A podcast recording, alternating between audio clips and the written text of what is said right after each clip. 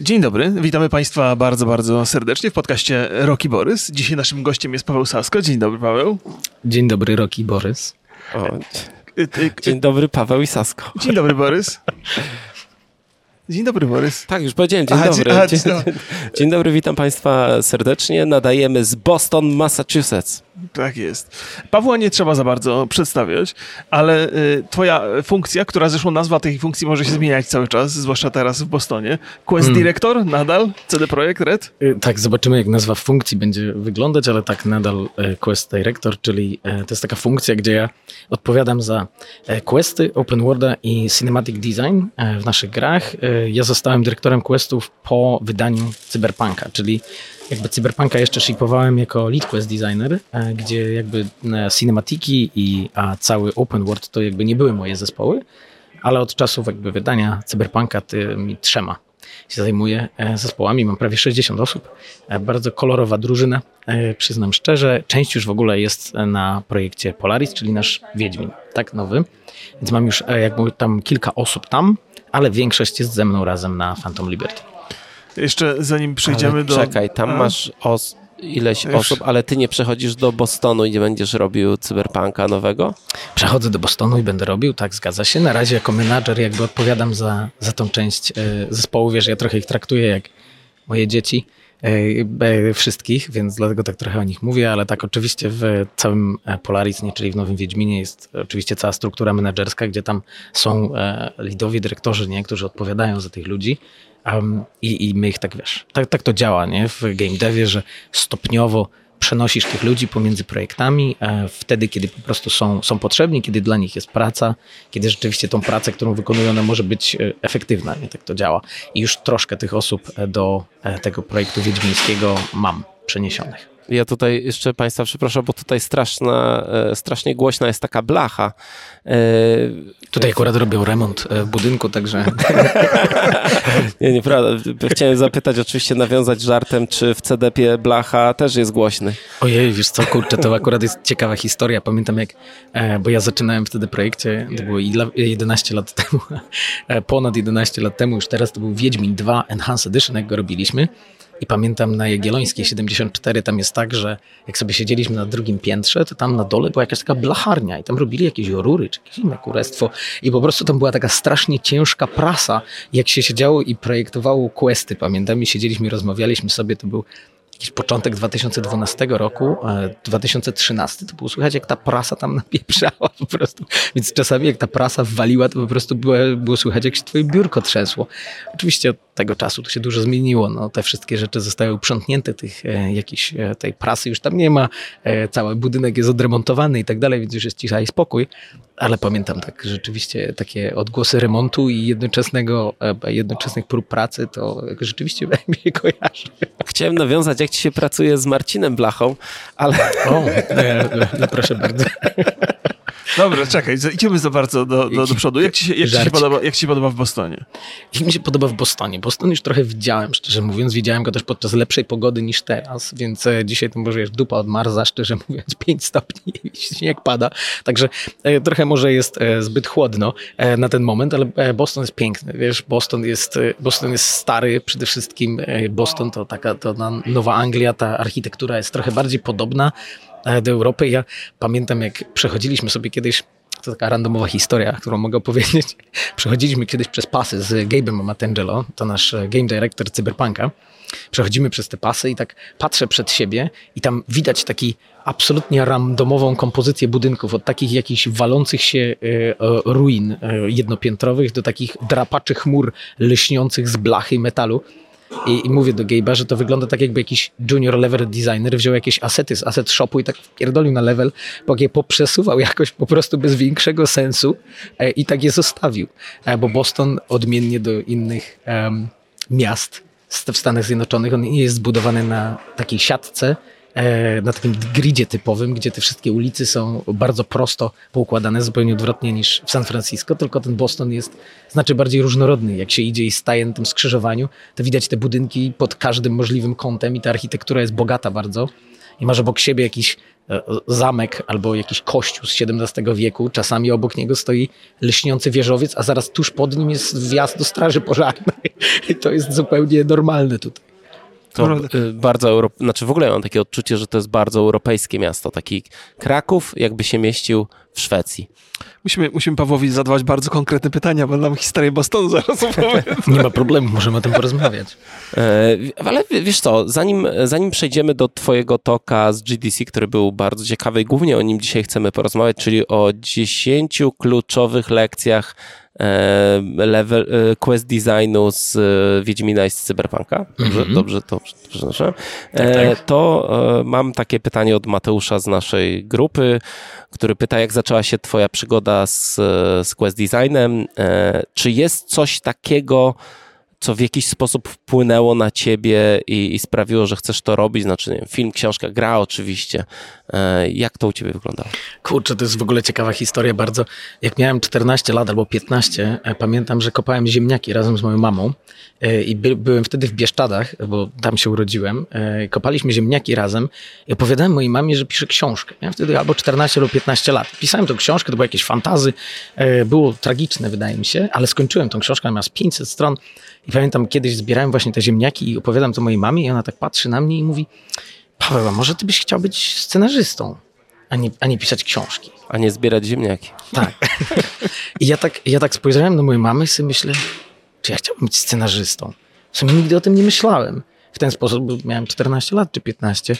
Ale pomyślałem sobie, kurczę, może to jest lepsze rozwiązanie, no bo rzeczywiście, jako taki pisarz, to pewnie będę klepał biedę i nie będzie co do gara włożyć zupełnie. Um, i trochę ta myśl mi tak została z tyłu głowy i niedługo później grałem w Baldur's Gate'a 1 i 2. I tak sobie pomyślałem, kurczę, ile to jest fabuły w ogóle w tej grze, ile to jest dialogu i wszystkiego. W sensie to po prostu, no ktoś to przecież musiał napisać, zaprojektować. I trochę od tego się to zaczęło. Wiesz, trochę tak, to była taka pierwszy, to taki pierwszy moment, um, kiedy jakby wezbrało we mnie takie poczucie, że może rzeczywiście mógłbym pisać i robić takie rzeczy. I zacząłem, wiadomo, ja czytałem zawsze, bo naprawdę chciałem być pisarzem i to było to, co mnie ciągnęło, ale jak zobaczyłem, że w tych grach to wszystko jest i faktycznie może być jakiś tam sposób na życie, a ja te gry uwielbiałem. Grałem w Aladyna u kolegi, e, jak wyszedł pierwszy e, i po prostu jak komputer miałem dość późno, chyba miałem 17 lat czy 18, to był mój pierwszy komputer dopiero, więc to wszystko wcześniej to było teoretyczne. Pamiętam jak pasłem krowy w Bieszczadach, bo miałem trzy krowy I kupowałem wtedy Secret Service, e, który wychodził, e, ale nie miałem komputera, więc grałem w te gry teoretycznie. Czyli wyjmowałem sobie taki ten Secret Service, siadałem w trawie. Jedna z moich ulubionych krów nazywa się Kalina. Kalina zawsze mnie zachodziła tak z boku i akurat próbowała mnie polizać gdzieś tam, wiecie, po, po szyi albo po głowie, albo po tym Secret Service. Zawsze mi tam, wiesz, kapała jej ślina na ten Secret Service, ale siedziałem w tej trawie i czytałem. I czytałem te, o tych grach, wiesz, tam, był, e, tam była recenzja Baldur's Gate 1, Baldur's Gate 2, e, Planescape Torment, e, recenzja Diablo, nie? Takie rzeczy, Heroes of Might and Magic. Czytałem te recenzje i ja sobie wyobrażałem w głowie, jak się w nie gra, bo ja nigdy w nie nie grałem, bo ja nigdy ich nie widziałem. Wiecie, wtedy YouTube już chyba istniał, może, ale to było jakoś bardzo trudno osiągalne, no już na pewno nie na moim internecie, który miałem wtedy w tych Bieszczadach. Um, więc ja grałem w te gry teoretycznie, czytając prasę e, i przez kilka lat. no i jak w końcu miałem ten pierwszy komputer, to mogłem zacząć e, grać w coś. I tak naprawdę do tego się to zaczęło, że ja strasznie chciałem to robić. I potem, no i potem się zaczęło, no jakaś praca dla takich małych, drobnych indie, praca taka w czymś, co, czymś, co później um, wyrosło w kilka różnych firm e, i ci ludzie teraz cały czas pracują w branży, są w różnych miejscach, to możemy o tym trochę pogadać, jakbyście chcieli, ale właściwie zaczęło się to od tego mojego grania w głowie, od tego jak ja sobie wyobrażałem, że się gra w grę komputerową, a nie, bo nigdy nie wiedziałem jak to faktycznie, faktycznie jest. I które, który Baldur's Gate był lepszy, ten w twojej głowie, czy ten potem jak zagrałeś? Ten, który zagrałem. Ten, ten, w mojej, ten w mojej głowie był, ten w mojej głowie był niezły, szczerze mówiąc, ale, ale ten, w którego zagrałem, był, był szokująco dobry. E, bo były rzeczy, których ja nie potrafiłem sobie wyobrazić ze względu na moje ludzkie ograniczenia, bo na tym etapie przeczytałem ileś książek, widziałem ileś filmów i to wszystko właściwie, nie? więc tak naprawdę tym wszystkim był, było jakby to, co potrafiłem sobie wyobrazić na tym obszarze, tego nie było dużo, nie? ja nie potrafiłem sobie wyobrazić, jak to wygląda i ten prawdziwy Baldur's Gate to było szokujące do, jak do pewnego stopnia dla mnie. Ja pamiętam jak, może nie wiem, chyba nie spoilujemy tutaj Baldur's Gate 2, już chyba można mówić o tym.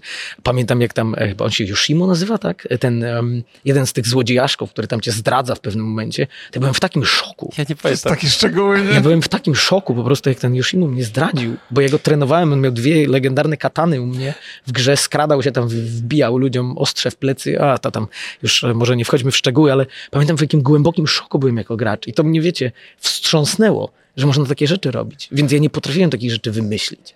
Jak siedziałem i pasłem te krowy, no bo bo, bo nie miałem skąd, tak? Y, Rozumiem, rozumiem. To, to jest w ogóle świetny sposób na rozwijanie wyobraźni, y, granie w grę we własnej głowie. A powiedz mi, y, czy jak sobie wyobrażałeś pisanie na potrzeby gier i czy to się różniło od tego, co potem musiałeś robić? Bo rozumiem, jakby pisanie to było coś, co robiłeś, nie? Już, już Mhm, miałeś doświadczenie. Czy tak sobie wyobrażałeś, że, że praca będzie wyglądała? Jak, bo to też jest jakby pytanie dalsze, jak wygląda pisanie na potrzeby gier? Tak, to prawda.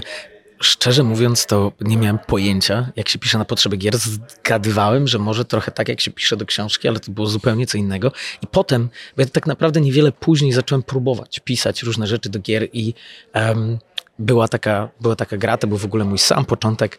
E, pamiętam, jak em, skończyłem akurat wtedy już liceum, poszedłem do studia na, na dziennikarstwo na Uniwersytet Warszawski. Poszedłem na studia i em, tam tak naprawdę zaraz, zaraz wtedy, jak miałem 19 lat, znalazłem taki zespół, e, który robił taką, takiego RPG-a. To był CRPG, który nazywał się New Dawn. Tak się nazywała ta gra. E, to była gra, o której nikt nie słyszał, nigdy nie została skończona. I ona już na tym etapie była tworzona przez jakiś czas i tam szukali pisarza, quest designera. Więc dołączyłem do tego zespołu i trochę razem z tymi ziomeczkami, którzy tam byli, próbowaliśmy razem nauczyć się dowiedzieć, jak właściwie się to pisze. Em, I wtedy pamiętam, że pisałem e, przez dwa i pół roku właściwie codziennie. Starałem się zrobić tak i taki był mój limit, taki był mój cel i prawie zawsze mi się to udawało. To było tak, że starałem się napisać jednego questa dziennie przez dwa i pół roku. E, i naprodukowałem jakieś setki. naprodukowałem ich setki. I to czasami było e, to czasami było kilka stron, czasami było mniej. E, i to zawsze starałem się właśnie patrzeć na tego Baldur's Gate'a, na ten plan Escape Torment, jak oni to robili. I starałem się to tak napisać, jak mi się wydawało, że będzie.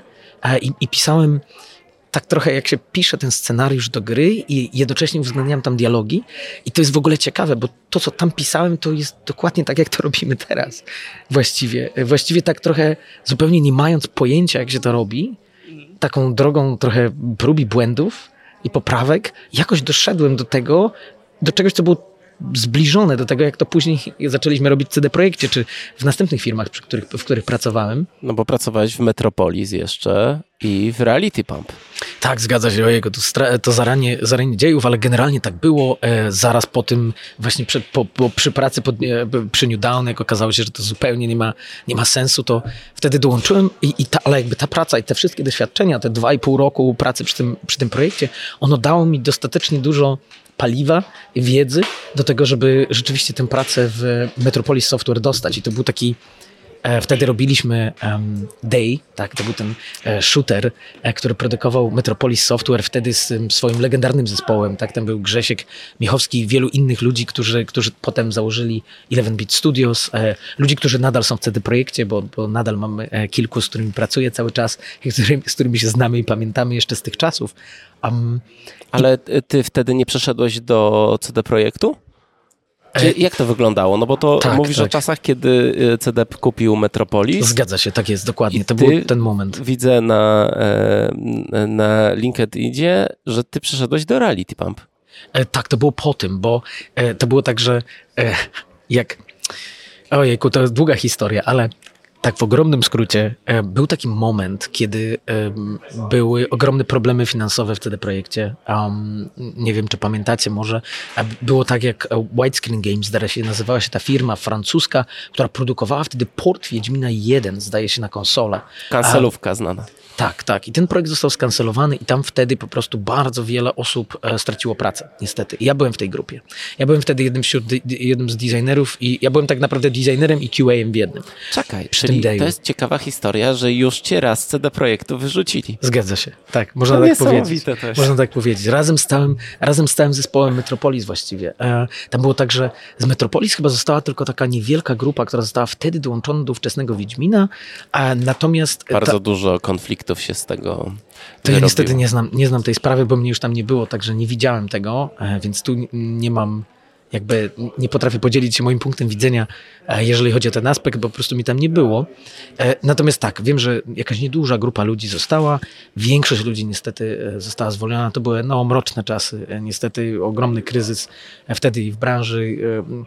Także no, to było bardzo trudne, bardzo trudne. Swoją drogą wiele lat później akurat miałem okazję trochę z Piotkiem Nielubowiczem, jednym z naszych członków zarządu, porozmawiać na ten temat. Em, Akurat to było, w, to było podczas mojej dziesięcioletniej kolacji w CD Projekcie, bo tak, mamy taką Tradycję macie, Mamy że z taką zarządem tradycję. idziecie na kolację po 10 latach? po 10, 15, 20, 25, tak. E, robimy, takie, robimy sobie takie spotkanie e, i akurat na, podczas tego spotkania miałem okazję trochę z Piotrkiem pogadać na ten temat, na temat tych czasów. No i to też nie było łatwe dla nich. E, to jest bardzo skomplikowana, bardzo skomplikowana historia i tak naprawdę no, musieli robić wszystko, żeby ratować firmę. E, A z drugiej strony ja byłem na takim etapie swojej kariery jeszcze i byłem na tyle młody, że dla mnie to było em, może zrozumiałe. Z jednej strony mnie trochę zszokowało, ale z drugiej strony trochę dało mi paliwa do tego, żeby dalej działać i pracować. W każdym razie szukałem pracy i rozglądałem się za czymś i w, e, zobaczyłem ofertę pracy w Reality Pump. Tak? I kojarzyłem Reality Pump oczywiście z serii ERF. 2140, 2150 to były dwa takie legendarne RTS-y. Zagrywał się w nie mój ojciec, który je uwielbiał, więc ja to pamiętałem gdzieś tam jeszcze. Wtedy jak dostaliśmy, jak kupiliśmy pierwszy komputer w domu, to oczywiście nie tylko ja grałem, tylko tato też grał, więc to były jego ulubione tytuły. Więc ja wiedziałem, że jak dołączam do tego Reality Pump, to tam są ci wszyscy ludzie, którzy zrobili te RTS-y, więc e, strasznie się tym jarałem. E, No i pamiętam właśnie moją pierwszą rozmowę z, z Mirkiem Dymkiem. E, Tam zostałem zatrudniony za jakieś absolutne grosze w tej firmie, ale to jakby nie było kompletnie dla mnie, nie miało kompletnego znaczenia. E, No i zacząłem pracować, no, siedząc e, tam i po prostu akurat wtedy był chyba pierwszy rok pracy mm, Tours 2 już mieli za sobą. To było, bo nie wiem, może, może byliśmy w jakimś takim drafcie, podchodziliśmy do jakiejś takiej prealfy, tak wyglądała ta gra, nie było fabuły w większości jeszcze, był tylko jakiś zaczątek, e, jakieś, jakieś dosłownie pierwsze questy, ale nic więcej. No i tak tam zacząłem pracować jako, jako quest designer i uczyć się fachu już teraz właściwie poważnej firmie. No tak, ale potem po niecałych trzech latach e, znowu wylądowałeś w CDP-ie i jak to się wydarzyło, że firma, która cię zwolniła, e, no poszedłeś na drugi raz. Tak. Um, to znaczy, pierwsza kwestia jest taka, że ja nigdy nie chowałem żadnej urazy e, do CD Projektu za to, dlatego że tam ja sobie zdawałem sprawę z kontekstu tego ekonomiczno-historycznego, który tam był. I to nie było tak, że oni stwierdzili, Sasko jest beznadziejny po prostu e, i kończymy współpracę, tylko to było raczej tak, że oni stwierdzili, nie jesteśmy w stanie kontynuować pracy nad tym projektem i musimy się pożegnać w ogóle z większością zespołu. To jest jednak mimo wszystko trochę inny kontekst i dlatego mnie to nigdy aż tak nie dotknęło. Same jakby myśli na ten temat. Natomiast em, potem tak naprawdę jak wyshipowaliśmy um, Tours 2, e, Tours 2 już shipowałem jako lead questów i e, lead pisarzy wtedy, bo to była jakby jedna pozycja, jedno stanowisko, więc tam z samego dołu e, doszedłem do tego, że byłem e, jakby prowadziłem ten zespół, który miał trzy osoby, potem cztery, e, więc malutki był, ale, e, ale uczyłem się dużo e, rzeczy tam. Zrobiliśmy Pirates of the Flying Fortress to był expansion pack do Tours 2. Też się dobrze przy nim bawiłem. Zaczęliśmy robić Sacrilegium, to była gra akcji taka horrorowa e, typowo e, w, e, wtedy, która później została skancelowana przez, przez Topware czy, czy też Success, to bo to są właściciele Reality Pump. I to był etap, kiedy CD Projekt wydał Wiedźmina 2, którego uwielbiałem. Podobał mi się niesamowicie ten projekt. Podobała mi się ta gra niesamowicie. I w, po, po, na tym etapie już nie pamiętam, kto napisał do kogo pierwszy, czy ja odezwałem się do nich, czy oni do mnie. Um, wydaje mi się, że mogłem to być ja, ale nie jestem pewny, bo to było tak dawno temu, że niestety nie jestem pewien, kto wysłał pierwszy maila, ale kto- ktoś to zrobił. To była Karolina Kossi, wtedy um, HR rekruterka e, CD Projektu, e, z którą sobie rozmawiałem, dostałem zadanie do zrobienia, e, tak jak to zwykle bywa w branży. Dostajesz zadanie, które musisz wykonać. Zrobiłem to zadanie, siedziałem nad nim dzień i noc dosłownie, bo to było 7 dni takiego hardcore'u, żeby to zadanie zrobić. Zrobiłem to zadanie, naprawdę nieźle się przy nim bawiłem, fajne było. Ale to był, to był quest? Zrobi, robiłeś questa? Bo... Ojej, to, to wiesz, tak, tak naprawdę niestety nie mogę wszystkiego powiedzieć, bo to jest część po prostu naszego Okay, okay, wewnętrznego jasne. procesu rekrutacji, ale to działa tak, że dostajesz dość konkretne e, zadanie, które jest bardzo trudne. Ono jest bardzo trudne po to, żeby em, wyłapać najlepszych, no bo jeżeli zadanie jest łatwe, to wszyscy je zrobią. Więc wtedy nie wiesz, kto jest najlepszy z powiedzmy tych 20 osób, które znalazłeś. Dlatego to zadanie jest bardzo trudne. I teraz ten moment, do którego momentu jesteś w stanie to zadanie wykonać, jest jakby definiuje to, czy się w ogóle tobą firma zainteresuje. No i tak, zrobiłem to zadanie, no nieważne. W każdym razie dołączyłem, poszedłem na pierwszą rozmowę i rozmowa miała trwać godzinę. E, Przyszedł Adam Badowski, wsiedliśmy sobie z Adamem. E, No i zaczęliśmy rozmawiać i rozmawialiśmy przez 4 godziny. E, Z Adamem była chyba go- godzina 19 czy 19.30 czy już 20 praktycznie i siedzieliśmy z Adamem i rozmawialiśmy dalej.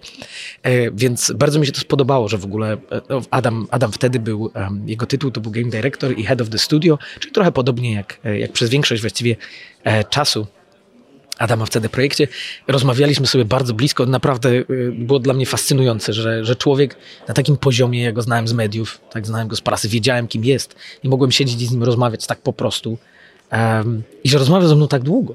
I że w ogóle był zainteresowany tym, żeby gadać z jakimś randomowym ziomem, e, który przyszedł do nich pracować. Em, I fajnie to było bardzo. Poznałem cały zespół pisarzy wtedy.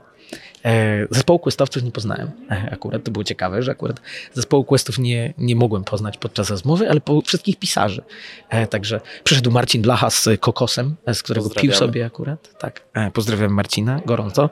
E, Marcin jest fascynującą osobą i pisarzem e, i naprawdę, e, no tak, pewnie jednym z najlepszych, jaki poznałem w życiu, jeżeli chodzi o ten aspekt pracy. I właśnie Marcin przyszedł z kokosem, z którego sobie popijał wtedy ze swoim, ze swoim zespołem. Zadawali bardzo ciekawe pytania, ale jakoś wydaje mi się, że cel był taki, żeby trochę mnie zbić z pantałyku, żeby, żeby zobaczyć, jak sobie poradzę. Ja słyszałem, że są takie historie właśnie, że oni mają jakieś takie gry, gry zabawy z nowymi, że mówią wierszem, że w jakiś sposób odwracają e, szyk zdania i, i sprawdzają, czy nowi też wejdą w tą grę. To, to, to tego nie doświadczyłem, szczerze mówiąc, ale rzeczywiście były tam takie, były, były, były ciekawe pytania i zagadki, no ale jakoś sobie poradziłem, e, szczerze mówiąc. Z tym nie było to jakieś specjalnie karkołomne i też miałem poczucie, jak sobie z nimi rozmawiałem, że to nie jest, to nie jest tak, żeby kogoś e, udupić i złapać i to jest złej woli, tylko to jest po to, żeby sprawdzić, co tam jest pod kopułą. E, I to było w tym celu. Takie miałem przynajmniej poczucie, jak sobie rozmawialiśmy. Słuchaj, i jak, y, wydaje mi się, że, że ta praca pisarza i questowca e, dzisiaj się bardzo przenika. Tak zawsze było? Bo, bo jak powiedziałeś teraz, że są dwa zespoły, pisarzy i questowców, to gdzieś tam w mojej głowie miałem taki konstrukt, że to jest jednak ten sam zawód. Mm, tak, tak, to jest dobry konstrukt, wydaje mi się. Wiesz, em, bardzo dużo się zmieniło w branży od tego czasu, bo jak em, pracowałem przy, przy Towards 2, to było tak, że rzeczywiście to był ten sam zawód, czyli my projektowaliśmy te questy i te wątki fabularne, później je implementowaliśmy w grze, później faktycznie pisaliśmy sami te dialogi, ustawialiśmy sceny, to wszystko jakby była praca jednego zespołu. Ale potem jak wchodzisz już w AAA, Um, i, I to był właśnie Wiedźmin 2 Enhanced Edition, dla mnie to był ten pierwszy projekt, potem Wiedźmin 3 i wszystkie dalej, to tej pracy już jest tak ogromnie dużo, że nie jesteś w stanie tego zrobić sam. I to z tego wynika. Inna sprawa jest taka, że jednak skillset quest designera i pisarza to jest trochę inny skillset. Bo quest designer to jest też osoba, która musi od strony technicznej te questy później zaimplementować w grze, tak żeby one działały, zaskryptować je, później je wypoliszować i tak jakby trochę strzec tej wizji, wiesz, E, dowieść sobie wszystkie asety z, od wszystkich innych zespołów, żeby to wszystko razem, jakby tę jedną, jedną wizję realizowało. Bo ja oglądałem ostatnio twój dość już stary wykład na Digital Dragons i tak zastanawiałem się nad tym, czy to nie, czy quest designer to nie jest taka rola reżyserska bardziej. Bierzesz tekst od pisarzy i musisz go przełożyć na ten język, k- który przyjmie gra. Tak, to jest w ogóle bardzo, bardzo, bardzo drobna diagnoza, e, to co powiedziałeś. My czasami, wiesz, jak rozmawiamy sobie z prasą, która na przykład jest zupełnie spoza branży i po prostu Mhm. nie wie, e, czym to, czym to się je, to ja zawsze to tak tłumaczę, że quest designer to jest trochę tak, jakbyś miał reżysera odcinka w serialu. Jak masz serial tak, to i jest jest jeden dobry. showrunner i do tego masz iluś reżyserów po drodze, to quest designer jest taką osobą, że rzeczywiście on trochę musi te rzeczy reżyserować.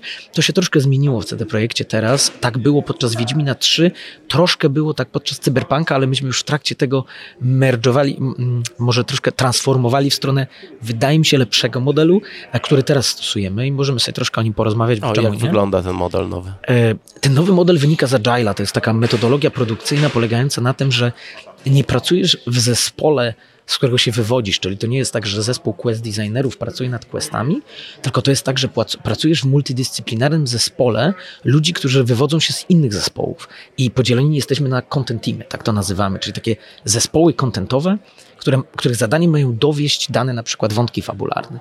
I załóżmy, tam w takim zespole masz quest designera, Masz pisarza, pisarkę, masz enviro artystę, tak, czyli tych ludzi, którzy robią levele, masz cinematic designerów, czyli ludzi od scen, a masz VFX artystów, masz lighting artystów, czyli tych ludzi, którzy doświetlają te sceny, robią efekty cząste, cząsteczkowe, Y, czyli tak jakby wszystkie dyscypliny, których jest ze dwadzieścia kilka, jest jakby, są reprezentowane w takim zespole. I zespół pracuje nie jak zespół questów, tylko zespół pracuje jako content team. I ten content team robi kilka questów, i oni je razem dowożą od zera do finiszu, do poliszu. I to jest inne podejście, bo ono eliminuje coś, co nazywamy silosowaniem. Czyli ten moment, że siedzą, sobie razem pisarze, albo razem questowcy, albo siedzą razem artyści i coś tam kombinują i kminią w piwnicy i potem jak są gotowi, to pokazują wszystkim. Tylko to jest tak, że od samego początku, od zera razem nad tym pracujemy.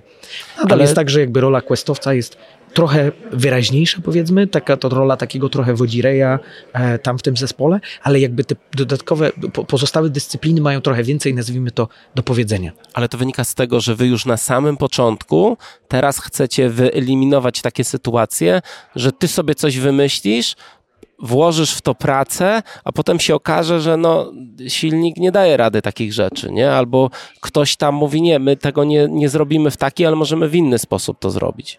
Tak, tak. Tu oczywiście przy, przy tym przykładzie operujemy na jakimś poziomie ogólnienia, bo to jest e, troszeczkę, tam jest trochę więcej niuansów, ale generalnie jest tak, jak powiedziałeś. Chodzi o to po prostu, żeby wyeliminować to, że pracujemy nad czymś, co jest odpięte zupełnie od gry po prostu jako takiej, bo to się oczywiście da zrobić, tak? Oczywiście da się gry produkować w ten sposób i przez większość historii e, w game devie, zwłaszcza w AAA-ach, Dokładnie tak to wyglądało. E, Te gry w ten sposób były produkowane. E, To, to była taka metodologia, my to nazywamy waterfallem w branży, czyli po prostu taka, jest taka metodologia, gdzie jakby najpierw jest jeden zespół, a potem drugi za nim, a potem trzeci i to tak ciurkiem leci jakby jeden po drugim. Teraz robimy trochę wszystko równocześnie jednocześnie starając się synkować i być jakby cały czas e, na tej samej stronie, że użyję takiego ładnego idiomu. Ale to robicie już od, y, dodatek jest tak robiony, czy, czy, czy już, czy nowe gry dopiero?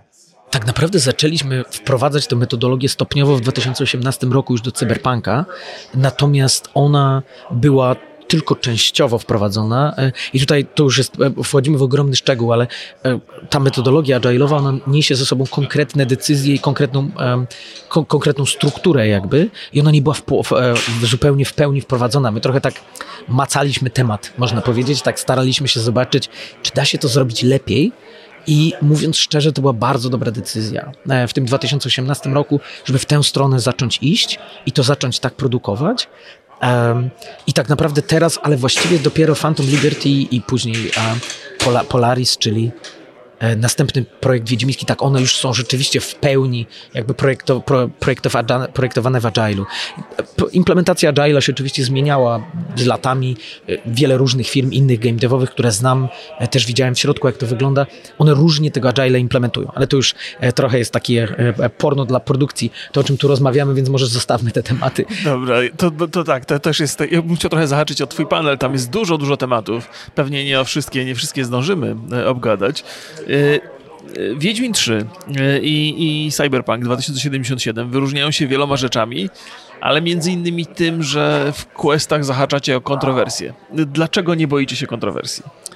Dlaczego nie boimy się kontrowersji? Wiesz, e, pierwsza rzecz jest taka, wydaje mi się, e, że my nie staramy się robić kontrowersji. Może zacznę od tego. To nie jest tak, że my staramy się zrobić coś, co jest kontrowersyjne. My staramy się zrobić coś, co jest świeże, jest mhm. ciekawe, jest inne, jest może coś, czym nikt innego nie zrobił, tak? I teraz czasami jest tak, że to może być kontrowersyjne, przy okazji, tak? Um, I wydaje mi się, że w większości tak to rzeczywiście wychodzi, nie? Że staramy się sięgać po, po rzeczy nowe, świeże, inne może.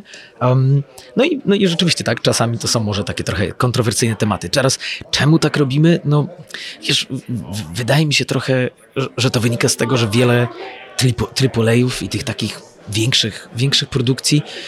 Od, z jednej strony trochę może od strony finansowej, a z drugiej strony może artystycznej. No nie wiem, trochę nie ma jaj, e, trochę ma powybijane zęby i po prostu obawia się tego. E, my tak naprawdę jako artyści no, staramy się dostarczyć naszym graczom coś, co rzeczywiście wygląda jak, jak nasza gra. Wygląda jak coś, co my faktycznie zrealizowaliśmy, jak coś, co porusza, dotyka rzeczy, które są świeże, inne, które mogą cię dotknąć w jakiś sposób, którego którego się nie spodziewałeś.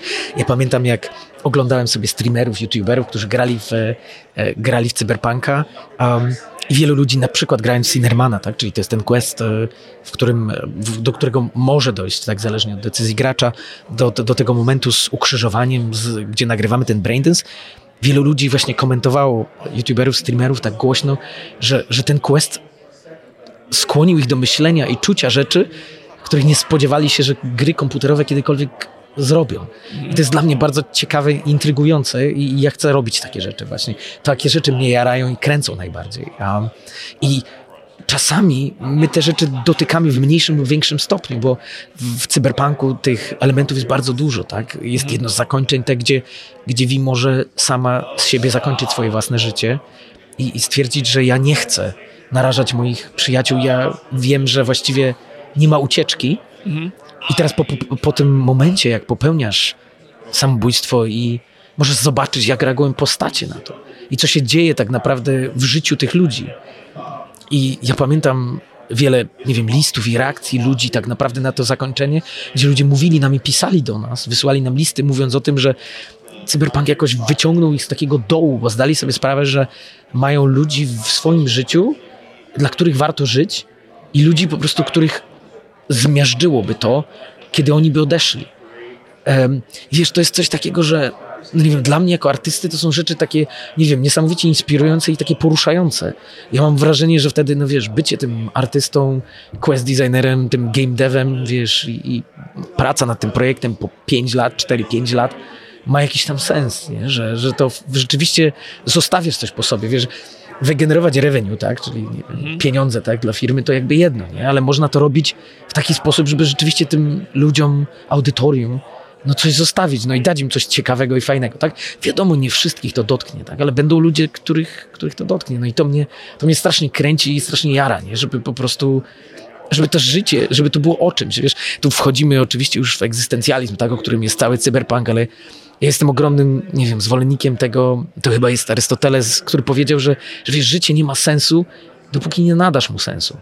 I to na tym polega, nie? My jak robimy AAA, to, to ile w stanie, jesteś w stanie tych AAA dowieść, nie? W życiu? 5, 6, 7? Jak hmm. każdy z nich robisz 5 lat, czy 6, hmm. czy 7, a te większe, to wiesz, patrząc na Rockstara, 8, 9, 10 lat, 11 może?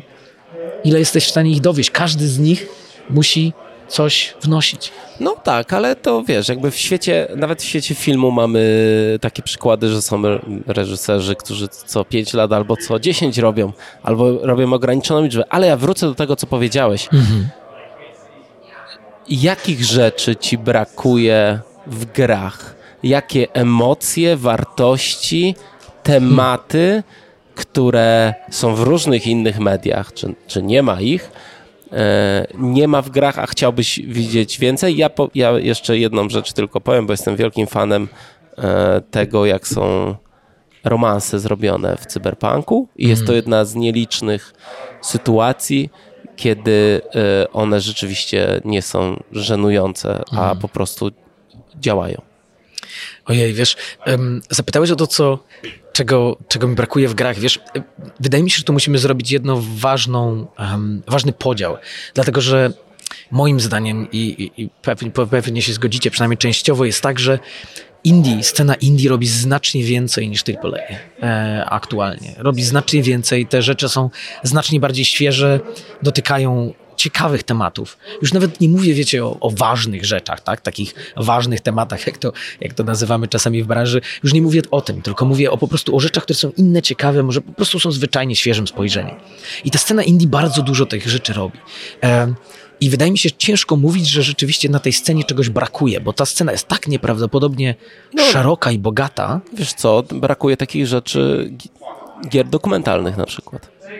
Jest bardzo mało takich gier, które opierają się o, e, o naszą taką rzeczywistość, o wydarzenia jakieś prawdziwe. No to to jest taka mhm. nisza, że to znaczy, to akurat ciekawe, e, jest akurat taka gra, która opowiada na przykład o wojnie polsko-bolszewickiej z 1918 roku. E, akurat ciekawa to ta gra finansowana przez IPN, e, ale która też właśnie jest dokładnie grą taką, można powiedzieć, dokumentalną. To może nie jest dokładnie to, co mhm. powiedziałeś, ale rzeczywiście gdzieś tam dotyka tych aspektów, ale jakby rozumiem, tak? Jakby nie staram się powiedzieć, że gry indie robią zupełnie wszystko, już nic nie ma. Mhm.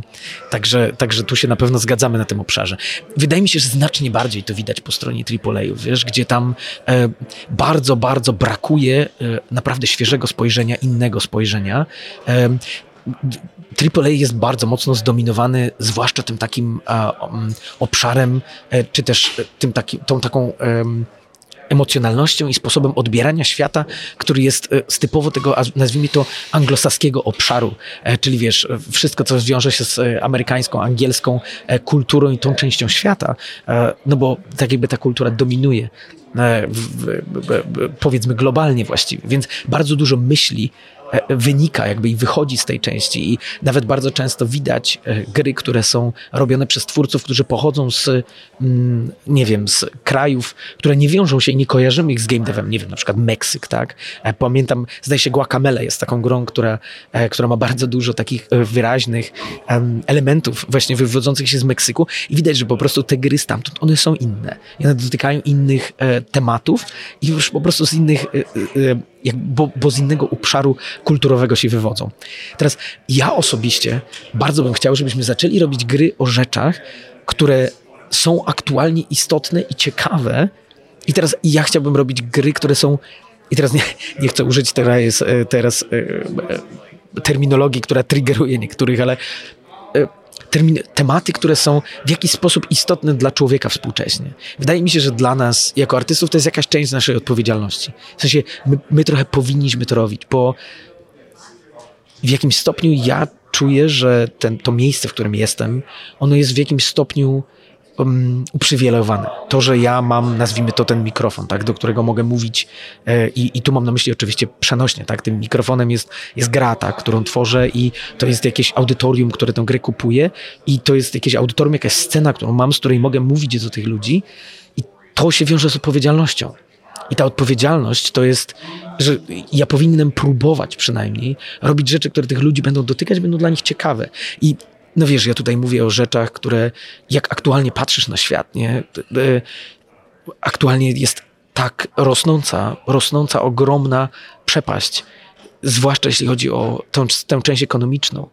Um, Mam na myśli Stany Zjednoczone w dużym stopniu, ale Europa wcale nie jest daleko od tego. Nie? Masz, masz wrażenie, że nasz system ekonomiczny nienawidzi ludzi, którzy są biedni, którzy są biedni. Jak wiesz, przypatrzysz strukturze społecznej, mam myśli Stanów, ale może też spojrzeć no, na Europę. Wiesz to, no byliśmy na GDC y, przed chwilą, no to mamy... Oczywiście, tak. Mamy ten problem bezdomności, e, to, to którego w Polsce, który w Polsce jest marginalny, tutaj rzeczywiście czuję, że to jest zupełnie inny świat i oni mają zupełnie inne problemy. To rozwarstwienie społeczne jest na e, dużo wyższym levelu niż, niż kiedykolwiek było w Polsce. Zgadza się, tak jakby to w ogóle nie jest jakby dziwne, tak? Tutaj, że masz, e, wiesz, stoi Majabach albo Lamborghini, albo Rimac, a obok niego jest e, namiot bezdomnego. Tak by nie jest specjalnie coś, y, co się nie zdarza. E, To jest zupełnie normalne. I chodzi o to, ta przepaść rośnie. Ona jest gigantyczna i mało tego, wiesz, e, wydaje mi się, że obserwujemy coś e, tak od strony socjologicznej, co, co można by nazwać tym załamaniem się tego, wiesz, amerykańskiego snu, tak? Ten American Dream w ogóle zupełnie się stacza i to widać, że tak naprawdę to była mrzonka w jakimś stopniu i ta, i ta przepaść jest ogromna. I w dużym stopniu to, jak skonstruowane jest społeczeństwo, ta konstrukcja społeczna, ona pokazuje, że właściwie wydostanie się z tego, e, z tego miejsca, w którym to społeczeństwo cię ulokowało, i to, to wynika z twojego urodzenia. To wynika często z tego, z jakiego obszaru społecznego wywo- się wywodzisz, ale też często i, i, jakby z twojego obszaru etnicznego zupełnie. I to bardzo mocno widać. I czasami po prostu nie jesteś w stanie się wydostać z tego. I ten American Dream jakby widać, tak, społecznie, że on, on nie ma, że nie ma jakby podstaw zupełnie, nie? To była mrzonka i, i coraz, coraz bardziej, coraz bardziej chyba wszyscy sobie zdajemy z tego sprawy. I wiesz, takich tematów jest ogromnie dużo, nie? Załamanie się całego, e, całego systemu zdrowotnego E, i jakby od tej strony, nie? Albo, no wiecie, jak będzie wyglądać nasz, e, nasza emerytura, nie? Nasz retirement, tak? Po prostu bardzo wielu ludzi nie ma zupełnie złudzeń na to. Bardzo wielu młodych ludzi, tak? Mam na myśli tutaj e, generację Z i Alfa, tak? Czyli tę generację, która już urodzona jest po roku e, 2000. To są ludzie, którzy teraz są nastolatkami i wchodzą w dorosłe życie. Oni już nie mają złudzeń, że będą mogli posiadać mieszkanie na przykład na swoją własność, pewnie będą musieli je wynajmować całe życie i właściwie nigdy go nie kupią. Wiesz, e, takich tematów w naszym życiu jest taki ogrom. Ja pamiętam taki przykład, to jest coś, o czym rzadko, rzadko mówię, bo właściwie nikt o to nie pyta, ale w sumie jest ciekawe. Jak em, pisałem e, questa o e, Marlenie, o wichcie zbierającym łyżki do Wiedźmina 3. Em, ten quest jest o zaburzeniach odżywiania. Okej. E, I jak się wgłębisz w niego i na niego spojrzysz e, i zaczniesz się zastanawiać, ja miałem taką wizję, kurczę, że chciałbym zrobić questa o tym, że jak odżywianie generalnie to właściwie, co wkładasz do swojego ciała, jak, jak to na ciebie wpływa. Dlatego całe zdejmowanie rytuału polega na tym, że Geralt musi zasiąść z nią do stołu i zjeść z nią. Tak naprawdę. Ja wiem, że to brzmi jak tutaj, jakbym tu opowiadał, jakbym odkrył nie wiadomo co. Ale jak się w to wgłębisz, zaczniesz słuchać tego, o czym mówi Marlena, o tym tak naprawdę, o czym jest ten quest, jaka jest ta historia, to może zaczniesz trochę to widzieć. I zmierzam do tego, że my w tym fantasy dressingu albo w tym cyberpunkowym dressingu jesteśmy w stanie naprawdę ciekawe historie opowiedzieć. Wiesz, wystarczy spojrzeć wokół siebie. I tych historii jest taki ogrom, i tych historii nie ma właściwie, nie? Jak patrzysz na AAA zwłaszcza, zwłasz- zwłaszcza, w Indii jest trochę lepiej, tak jak wspominałem. Jak patrzysz na AAA, tych historii nie ma właściwie. Bo Myślałem sobie, Pa- Paweł tak w zasadzie nas nie potrzebuje za bardzo i to bardzo, bardzo dobrze. Ale y, y, z- zaskoczyło mnie to, y, zaskoczyło mnie to że, że wydawało mi się, że cyberpunk jest, taką, jest takim światem, w którym łatwiej pokazać te przejaskrawione skrajności, które, które znajdują się w naszej rzeczywistości, bo masz bardzo bezpośredni punkt odniesienia. To nie jest taka odległość czasowa bardzo duża. Natomiast zaskoczyło mnie to, że w Wiedźminie 3 też próbujesz opowiadać takie współczesne historie. W zupełnie inny sposób. Ja pamiętam ten quest o łyżkach i faktycznie miałem takie odczucia, ale, ale to wiesz, to teraz jak mnie naprowadziłeś, to już widzę w tym questie znacznie więcej. No, ale mamy e, czarnego barona na przykład. No to też E, nie krwawego jest, barona. Krwawego barona. Czerwony baron to nie, nie ta epoka Tak. krwawego barona. No to też nie jest... e, Znaczy w ogóle to jest ciekawa historia, bo e, też jedno z pytań u nas na grupie dotyczyło, e, z czego wynikało to, że e, najlepszy quest według wielu jest na samym początku e, gry. W Wiedźminie 3. E, wynikało z przypadku, szczerze mówiąc trochę. Wynikało z tego, że e, to było tak, że akurat na tym etapie mieliśmy story outline do, do całego Welen, na tym etapie od Marcina Blachy i naszych pisarzy. E, oni pracowali po prostu nad pozostałymi hubami. Wtedy tak, tak wiedzieli, tak je nazywaliśmy. I podzieliliśmy się tymi questami i akurat ja dostałem ten fragment, tak? Po prostu jak sobie rozmawialiśmy wtedy z leadem questów, a później game directorem Konradem Tomaszkiewiczem, e, to było coś po prostu, co, co Konrad chciał, żebym, nad czym ja chciał, żebym ja pracował, więc po prostu wziąłem ten temat i to trochę wyszło z tego powodu, tak? To trochę wyszło po prostu z e, realiów produkcyjnych, tak? Może e, przypadek to może duże słowo, tak? To wyszło po prostu z realiów e, produkcyjnych, z tego, że na tym etapie już trochę wiedzieliśmy, o czym będzie prolog i skupialiśmy się na, na tych hubach, więc zacząłem pracować nad Baronem. I tutaj bardzo celnie e, wydaje mi się, zidentyfikowaliście to, że my staramy się opowiadać współczesne historie albo takie historie, do których gracz może się odnieść niezależnie od settingu. I to dla mnie, moim zdaniem, tak? I teraz może będę myślał inaczej za 10 lat czy 15, jak się czegoś więcej nauczę, ale teraz, dziś, ja myślę, że to jest klucz do tego, jak, jak opowiadać historie, które do tego gracza przemówią. Bo my jesteśmy w stanie, wiecie, w jakbym robił e, open world RPG My Little Pony e, w tym świecie, to też bym był w stanie opowiedzieć e, ciekawą historię, która jest, która przemówi do gracza. Bo empatia i to, że ty jesteś w stanie narysować jakąś paralelę pomiędzy sobą, a tym, co się dzieje na ekranie, w jakimś stopniu to jest klucz do tego, że zaczynasz się wczuwać w tę historię. I to jest klucz do imersji, moim zdaniem. Krwawy Baron jest o E, domestic violence, tak, e, to jest o przemocy, przemocy domowej, domowej, tak. To jest, jest o przemocy domowej, jest o PTSD, tak, jest o, jest o stresie pourazowym, jest o e, człowieku, który chleje, jest o człowieku, który bije swoją, swoją żonę, o, o człowieku, który skrzywdził swoją rodzinę. I to jest historia, którą ja tam chciałem powiedzieć. I tam mi chodziło o narysowanie paraleli pomiędzy Geraltem, który jest ojcem dla Ciri, i baronem, który też jest ojcem, ale to są zupełnie inni ojcowie oni zupełnie inaczej do tego podchodzą. Dlaczego ta historia jest na początku? Bo chcieliśmy bardzo mocno nawiązać do tych wątków fabularnych, to raz, ale też bardzo wyraźnie coś, co nazywamy tematem, tak? czyli ten theme, który e, jest w całym Welen. I dlatego ta historia też jest e, ustawiona jakby na samym początku, żeby ona tobie jako graczowi ustawiła taką ramę narracyjną i punkt odniesienia do tego, jak ty masz interpretować cały ten region. Mm. To jest nie, to ciekawy się... temat i bardzo głęboki. Możemy e, wchodzić e, tak głęboko, jak chcecie. Nie, nie, to się, to się fantastycznie Zależy, ile masz czasu. No, no właśnie, to, dużo, dużo od was zależy. Właściwie historia Olgierda to też jest, też jest, jest, e, to jest inna historia, ale też na bardzo dramatycznej postaci. Ona też jest bardzo wielo, wieloznaczna, więc tak tam jest. było więcej. I zresztą bohater Krwi i Wina też ma z, dużo tragedii gdzieś za sobą i, mhm. i dosyć specyficzny sposób patrzenia. No ale też powiedzmy sobie szczerze, że dobre historie nie opierają się na tym, że ktoś zabił smoka albo ktoś ma piękną zbroję, tylko że gdzieś tam w tle były emocje, od których my możemy mhm. się e, odbić jak w lustrze tak i, i, i, też po prostu empatycznie można e, dostrzec. No i tak są, tak, tak to też było budowane. No to jest bardzo polska, Krwawy Baron jest bardzo polską taką mm. historią. No właśnie, to jest, to jest też ciekawa rzecz. Y, z, z twojej perspektywy, polska wersja językowa Wiedźmina, ona bardzo mocno zahacza o właśnie takie nasze polskie rzeczy. To znaczy potrafimy się tam zobaczyć, my jako Polacy. Czy udało wam się to przenieść, jakby sądząc po sukcesie Wiedźmina na całym świecie, to pewnie wam się udało. Ale jak wyglądało przenoszenie tych rzeczy na, na, na język angielski, na rynek amerykański? Ich, mm. Czy ich tragedie albo ich sposób patrzenia na bohatera jest podobny do naszego? A, ciekawy, bardzo, bardzo, to jest bardzo ciekawy wątek w ogóle. Wiesz, e, wydaje mi się, że jest taki obszar doświadczeń ludzkich, który jest w jakimś stopniu uniwersalny. I teraz tu możemy sobie antropologicznie trochę pogadać o tym, bo to jest, e, tu jest dużo różnych e, odcieni tej dyskusji, natomiast na jakimś poziomie ogólności te doświadczenia są zbliżone.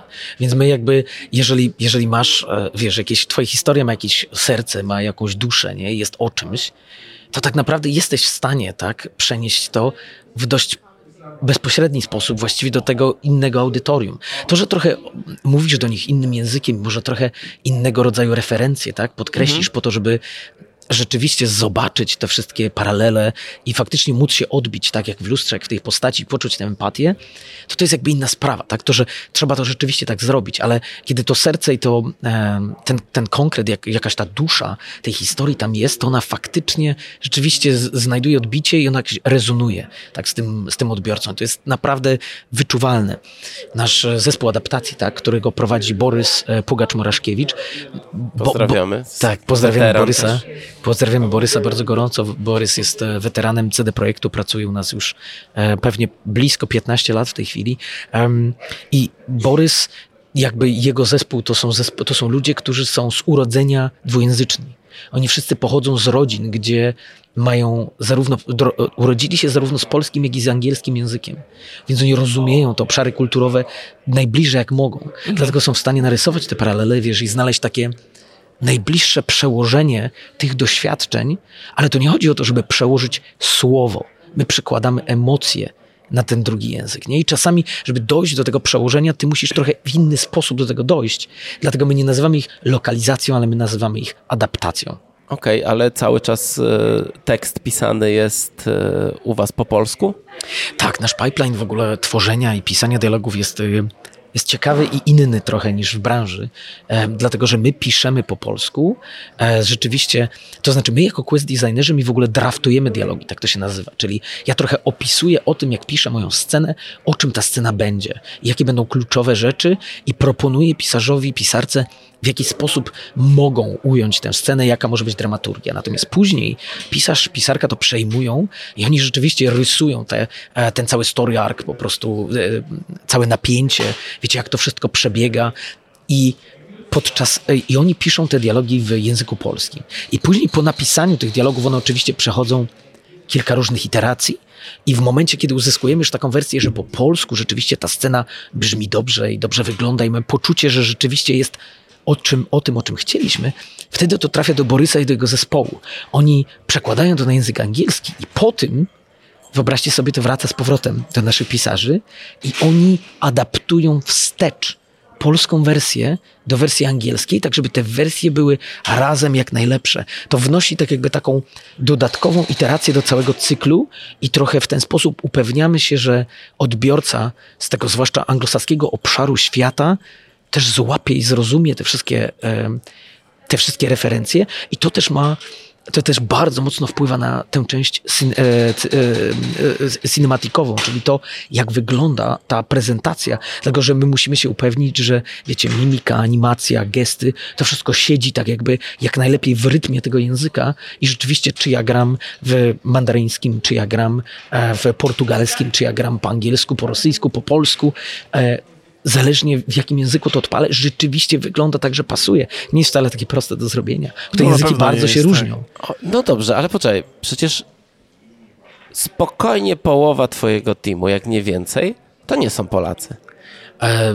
Aktualnie tak odrobinę mniej niż połowa tak mojego okay. zespołu to są obcokrajowcy. Faktycznie tak około połowa to są Polacy. No to jeżeli y, piszą po polsku pisarze, i wy mhm. pracujecie już na tym, nie ma tam żadnych konfliktów ani problemów, ponieważ słyszałem, że są takie problemy i że polegają na tym, że często pisarz, który dostaje, który nie rozumie po polsku, dostaje e, tekst po polsku, musi sobie to tłumaczyć w, w, Translate Google albo w czymś takim podobnym. No i niestety pojawiają się z tego powodu e, różne problemy. Hmm. E, wiesz, to wygląda w taki sposób, że my mamy w naszym w ogóle toolsecie, tak jakby mamy wbudowane narzędzie, które w ogóle tłumaczy e, mhm. język e, z polskiego na angielski od razu. To właściwie się robi jednym kliknięciem. Więc um, wydaje mi się, że to, o czym mówisz, na pewno takie sytuacje się zdarzały zaraz na samym początku, jak w ogóle zaczęliśmy transformować trochę z firmy typowo polskiej na firmę trochę bardziej globalną, gdzie faktycznie rzeczywiście na przykład mieliśmy pierwszych designerów, którzy byli um, anglojęzyczni nie? i którzy nie byli Polakami Polakami i musieli faktycznie ten język zrozumieć. I tu wyobrażam sobie, że mogły być takie e, sytuacje. E, aktualnie, aktualnie no już od wielu lat jest tak, że my właściwie jednym kliknięciem tak, możemy ten język przetłumaczyć. To jest jakby jedna rzecz. A druga jest taka, że um, nasi członkowie zespołu adaptacji, oni są członkami tych content teamów, o których ci wspominałem mhm. wcześniej. I to jest tak, e, że ten, um, ten, ci, ci tłumacze, ci też ludzie, którzy prowadzą tę adaptację, oni jakby tę adaptację prowadzą zaraz po tym, jak ten dialog zostanie napisany, tak? Czyli to nie jest tak, że pisarz kończy pisać, mija cztery miesiące i dopiero wtedy ktoś siada i tłumaczy. Tylko to jest tak, że zaraz po tym, jak to zostaje napisane, to jest już tłumaczone faktycznie na język angielski po to, żeby faktycznie cała firma e, mogła pracować, więc wyobrażam sobie oczywiście, że takie sytuacje mogą się zdarzyć. Tak? W momencie, kiedy masz tyle co napisaną scenę i ktoś od razu tak chce na nią siąść i rzeczywiście może nie rozumieć, co tam jest. No ale wtedy możesz sobie rzeczywiście automatycznie przetłumaczyć tę scenę i to oczywiście nie jest ten finalny tekst, mhm. który tam będzie, no ale przynajmniej rozumiesz, o czym to jest. Natomiast no, nasz zespół adaptacji dość szybko reaguje, żeby te rzeczy tłumaczyć. No ta, tak to generalnie jest, nie? Jak pracujesz w zespole takim mm, wielojęzykowym, wielokulturowym, albo też zespole, który jest, wiesz, e, na wielu różnych strefach czasowych, to, to zawsze tego rodzaju tarcia będą występować, mhm. dlatego komunikacja jest kluczowa. A nie lepiej dla was byłoby, gdyby y, po prostu pisarze przeszli na angielski? To jest bardzo skomplikowany temat. To jest bardzo skomplikowany temat, bardzo skomplikowany problem w ogóle, wiesz, e, e, z którym tak naprawdę, o którym sobie rozmawialiśmy w ogóle wewnętrznie z naszymi pisarzami, och, wielokrotnie, e, szczerze mówiąc. I aktualnie przynajmniej wydaje nam się, że tak jak pracujemy, dochodzimy do lepszych efektów. I teraz czy będę myślał tak samo za 5 lat albo 10, to się przekonamy, a może będę myślał inaczej. No, na razie wydaje nam się, że lepiej jest tak, jak pracujemy, czyli że piszemy po polsku i faktycznie korzystając trochę z tego, że większość jednak designerów, no i wszyscy pisarze oczywiście, są Polakami, pracujemy na razie w tym języku. Jeżeli chodzi o jeżeli chodzi natomiast o Oriona, tak, mhm. czyli projekt, który w ogóle przynosimy do, do Stanów, to tutaj sytuacja będzie prawdopodobnie wyglądać inaczej, tak? E, Właśnie miałem o to pytać. Tak, tak, e, wyobrażam sobie. Tak, bo tutaj prawie, prawie na pewno, tak, będziemy patrzeć e, w tym kierunku, żeby rzeczywiście zacząć pracę już po prostu w angielskim i rzeczywiście na, a, a wersja polska powstawała z wersji angielskiej, natomiast one pewnie dla nas zawsze będą w jakimś stopniu równoważne, czy też równie ważne, e, do, dlatego że po prostu duża część zespołu, e, czy to przy Orionie, czy przy Polaris, to będą, e, to będą Polacy. Tak to wygląda aktualnie. Teraz na jakim konkretnie, wiesz, na koniec pipeline wylądujemy, no to jeszcze się okaże, nie? bo to rzeczy się dzieją cały czas i cały czas staramy się jakby znaleźć nie? najlepszy sposób, jak te gry produkować. Jak się twoja rola w firmie zmieni? Po końcu... Zamorduję cię, Borys, po tej rozmowie. Ja... Wiesz o tym, nie? Nie daje mi w ogóle pytania. To, już, już... to ja postaram się krótko, wiesz, bo problem ze mną jest taki, że jak zadajesz pytanie, to ja mogę mówić dowolnie długo. E, to, tak, tak. To nie jest problem. To... E, dobrze, to tak bardzo zwięźle. E, przynajmniej na razie się nie zmieni. Wiesz, przynajmniej na razie się nie zmieni. Ja um, tak ogólnie zakładamy z Gabe'em Amatangelo, że na razie po prostu będę w podobnym, na, na, podobnym stanowisku. Do mnie będzie należało zbudowanie całego zespołu narracji w dużym stopniu. To jest coś, co robiłem e, w CD Projekcie przez bardzo wiele lat. Ja byłem, to, to jest coś, co się nazywa hiring managerem, tak? czyli byłem taką osobą, która zatrudnia do nas narrację. Prowadziłem bardzo wiele e, rozmów, e, zadań z, z ludźmi. Czy to się dzieje też tutaj na Paksie?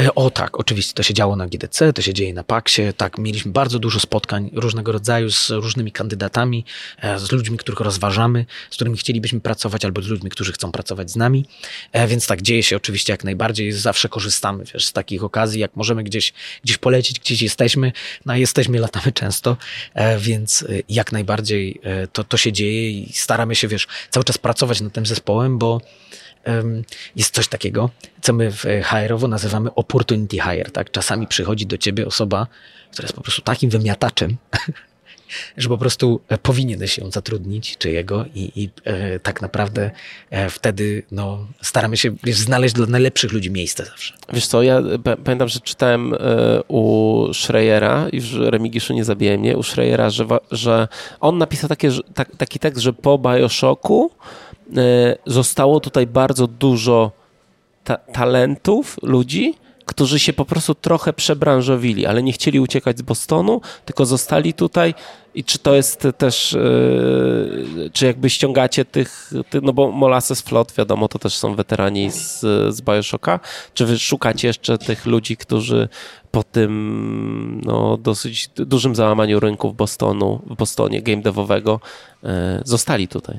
Mhm. To znaczy, wiesz, ja nie jestem specjalistą jakby rynku bostońskiego jako takiego, natomiast e, faktycznie jest tak, jak to opisałeś, nie? że tutaj nie ma bardzo dużych firm game devowych, jest bardzo dużo drobnych, jest też, jest też bardzo dużo e, miejsc, gdzie kształcą się studenci, inżynierowie różnego MIT. typu, tak? Jest MIT, jest Harvard. Tutaj rzeczywiście nie brakuje tak, takich miejsc i to jest jest bardzo bogaty rynek, bardzo szeroki, więc my wiemy, tak, to dla nas trochę jest tak, wiesz, ta decyzja, żeby to był Boston, tak, była bardzo strategicznie przemyślana właśnie pod kątem e, różnych, tak, aspektów i między innymi oczywiście, tak, zespół, jakby bogactwo, e, to, e, co oferuje rynek, był istotnym czynnikiem, który braliśmy pod uwagę, nie, przy dyskusjach odnośnie miasta, tak, który wybierzemy.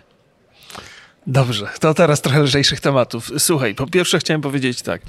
Yy, czy duża jest u was grupa osób, która zajmuje się pisaniem notatek w Wiedźminie 3 i w Cyberpunku, takich, które znajdujemy w świecie gry? To jest, wiesz, to jest ta sama grupa ludzi, która pisze wszystkie dialogi, czyli to Tak, są nasi myślałem. pisarze. To jest tak, że to jest tak, że one są zawsze, pipeline zawsze wygląda tak, że albo Quest, albo Open World Designer draftuje dany tekst, e, a później nasi pisarze przepisują je.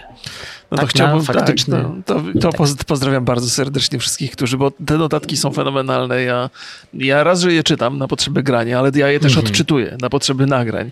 I przy żadnych notatkach, w żadnej innych grach się nie bawiłem tak dobrze. To jest albo się można czegoś dowiedzieć, albo można się pośmiać. Ja osobiście uwielbiam w Wiedźminie 3 odwołania do współczesnej terminologii podatkowej Mhm. przy, przy jakichś zmiankach finansowych. Więc, y, więc, więc fantastyczna robota w ogóle To przy tych notatkach, po, po, po, pośród różnych innych rzeczy. Ale e, co ciekawe jest, e, w rozmowie z tobą wiele ciekawych rzeczy się zdarza, ale jedną z, z takich jest to, że opowiadasz o innych grach. Z reguły ludzie, którzy robią gry, mają bardzo mało czasu, natomiast e, opowiadasz o grach e, z Meksyku, o tym, e, jakie tam są tematy poruszane i w grach Indii. Co cię inspiruje? Ojej, kurczę, to o, uwielbiam to pytanie, ale odpowiedź jest na 6 godzin.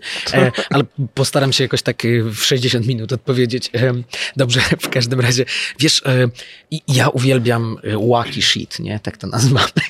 ja uwielbiam rzeczy, które są po prostu inne, które mają charakter, które mają jaja, wiesz, które mają ząb, wiesz, które mają jakiś ogień, które mają duszę, które próbują być czymś, wiesz, które wiedzą czym są, nie? Które mają jakieś identity. Wiesz, zagrywam się teraz w Children of Morta, nie? E, Po prostu e, e, fascynująca gra. Ja jestem, ja jestem do tyłu wiele lat, tak naprawdę aktualnie z moim grafikiem grania, ale staram się, zwłaszcza w samolocie, nie? Siadam z Switchem, po prostu Steam Deckiem, tak, Switchem, siadam i gram po prostu i wiesz, czasami 11 godzin non stop w tym samolocie. I em, ja uwielbiam rzeczy, które są inne, wiesz, które wiedzą, czym są, nie? które mają to identity. Naprawdę nie przemawiają do mnie tytuły takie, które próbują być takim czymś pośrodku, nie? Tu mogę, wam Bi- Biblię zacy- mogę wam Biblię zacytować. Przestań go ciągnąć, bo to, potem nie będą no, chcieli się do niego odzywać ludzie w branży. Nie, nie, e, mogę wam Biblię zacytować, nie, że e, tak pe- pewnie kojarzycie tak, e, taki, taki, taki fragment, tak, gdzie, gdzie, już nie pamiętam kto to powiedział, tak, ale to jest o tym, że e, bo żebyś był zimny albo ciepły, ale nie chcesz, byś był letni, bo wtedy cię wypluje z moich ust. I to jest dokładnie to, o czym, o czym myślę, nie? To jest po prostu coś, ja chcę, żebyś był czymś, nie? Jak jesteś, jak, jest, jak robisz sztukę jakąś, kurwa sztukę, no. Zrób coś po prostu, co ma serce, duszę, ogień i po prostu jest czymś, nie? A nie jest czymś pośrodku i czymś, czymś co wiesz, tak naprawdę nie ma tego, tego czegoś, nie? Wiesz, y, wy, wychodzi Elden Ring, tak? I ja wiem, tak? Ja wiem, że From Software po prostu e, przez bardzo wiele lat oni dochodzili do tego, żeby tym być, ale oni się nie bali, nie? Oni są sobą, tak? Gra, patrzysz na tą grę i ty wiesz, że to jest po prostu gra od, em, że to jest gra od From Software, tak? Odpalasz grę CD Projektu i wiesz, tak? Ja mam nadzieję, że to widać, tak? Z Cyberpunka, że to widać z Wiedźmina, tak? Że to jest nasza gra. Po prostu i, i, i to gołym okiem, tak? Czasami widzisz jeden screenshot, tak? I to się odnosi do to się odnosi do muzyki, to się odnosi do artu, to się odnosi do historii, tak? Widzę, widzę screenshot, tak, z Cyberpunka i ja wiem, że to jest Cyberpunka. To Okej, jest okej. ekstremalnie trudno tę grę pomylić z czymkolwiek innym, nie? Ona ma tyle charakteru. I to samo jest z Wiedźminem.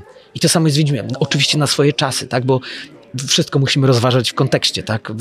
E, danego czasu e, jest bardzo wiele innych gier, tak, które wyszły, które próbowały być podobnymi grami do Wiedźmina. Części się udało, części się nie udało, e, ale w tych czasach, tak, kiedy Wiedźmin wychodził na rynek, rzeczywiście trudno go było pomylić z czymkolwiek innym. I to samo jest z Cyberpunkiem, tak? Że, rzeczywiście widać, że tam jest jakieś serce, nie? I to są takie rzeczy, które mnie najbardziej pociągają, inspirują, nie? Ja dlatego, wiesz, e, uwielbiam, uwielbiam sztukę, nie? Ja e, prócz tego, że kończyłem dziennikarstwo i psychologię, to e, podczas studiów robiłem jak, jak, tak dużo kursów z historii sztuki, jak tylko mogłem, bo mnie to fascynowało i pociągało. Albo teatr jako taki, tak? Który był ogromną inspiracją dla scene systemu w e, cyberpunku. E, Zresztą, no teraz jak się patrzy na w szczególności polski teatr, to jest to miejsce, gdzie e, twórcy nie boją się i bardzo często poruszają trudne, te bieżące problemy. No nie ma drugiej takiej dziedziny w, w Polsce, która tak od razu reaguje na sytuację. Tak, ja przyznam, że jeżeli chodzi o polski teatr, nie jestem aż tak na bieżąco ze względu na e, COVID, ale, e, ale rzeczywiście przed COVID-em było tak, że no, byłem w teatrze dosłownie co kilka tygodni regularnie po prostu i widziałem wszystko właściwie. Widziałem, oglądałem właściwie, przychodziłem właściwie na wszystko, co wychodziło, tak? To się trochę zmieniło przez ostatnie kilka lat ze względu na COVID i musiałem trochę e, przestawić e, swoje inspiracje.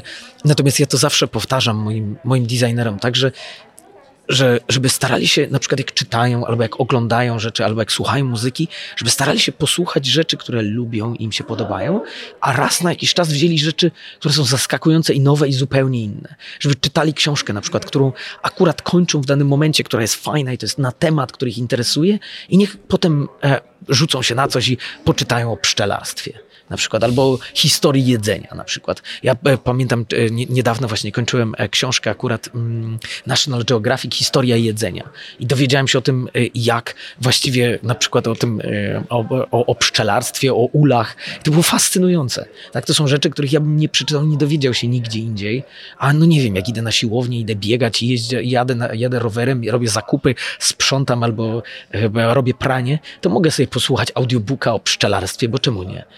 I to naprawdę czasami otwiera oczy, więc ja staram się namawiać moich designerów, żeby próbowali robić rzeczy, których, taki, których nie robili i nigdy nie słuchali. Um, I to może być na tak wielu różnych obszarach. To mogą być filmy na YouTubie, tak? YouTube jest takim gigantycznym obszarem, gdzie jest tak wiele e, jest tak wiele dobra, tak? Jest tyle tematów e, ciekawych, gdzie można się nauczyć, więc to są takie rzeczy, które mnie inspirują. Ja bardzo nie lubię takiego, może nie tyle nie lubię, ja nie pociąga mnie mainstream. Mhm. Mainstream jest nudny w większości, jest e, powtarzalny, jest, e, jest przewidywalny. Już jest, to jest coś, co w kulturze nazywamy e, kulturą remiksu. Może słyszeliście takie określenie. W socjologii to jest wszyscy biorą to samo i robią to jeszcze raz to samo, jeszcze raz na taki sam sposób. I oczywiście można, tak? Podczas mojego wykładu na GDC mówiłem o czymś, co nazywamy Maya Principle. To jest taki, to jest taka strategia tworzenia, która polega na tym, że starasz się popchnąć e, to, tę innowację, innowatorskość tak daleko, jak tylko możliwe do momentu, w którym twój odbiorca już jeszcze ma jakieś resztki rzeczy, które rozpoznaje, po to, żeby czuł się w miarę e, familiar, żeby czuł się w miarę, brakuje mi słowa, żeby czuł się w miarę, e, żeby rozpoznawał w miarę to środowisko, w którym jest. Żeby się nie zgubił. Żeby się nie zgubił, tak? Żeby nie stracić tego odbiorcy, tak? Bo ja nie jestem zwolennikiem robienia sztuki, która zupełnie traci odbiorcę, gier, tak? Która, bo ten moment, który straciłeś odbiorcę i audytorium, to jest moment, kiedy już się nikt nie słucha. To jest ten moment, kiedy właściwie już nie trafiasz do nikogo.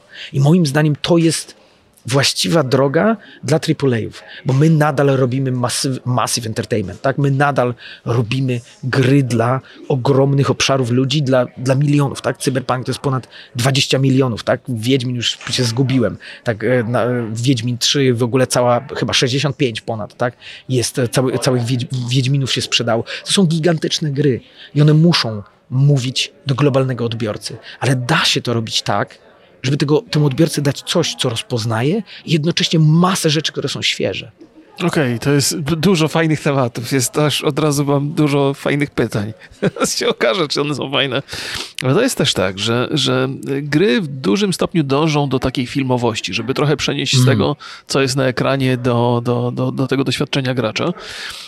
Ty sięgasz po teatr, co jest y, w odniesieniu, w takim potocznym rozumieniu, jest takim trochę krokiem wstecz w odniesieniu do filmu.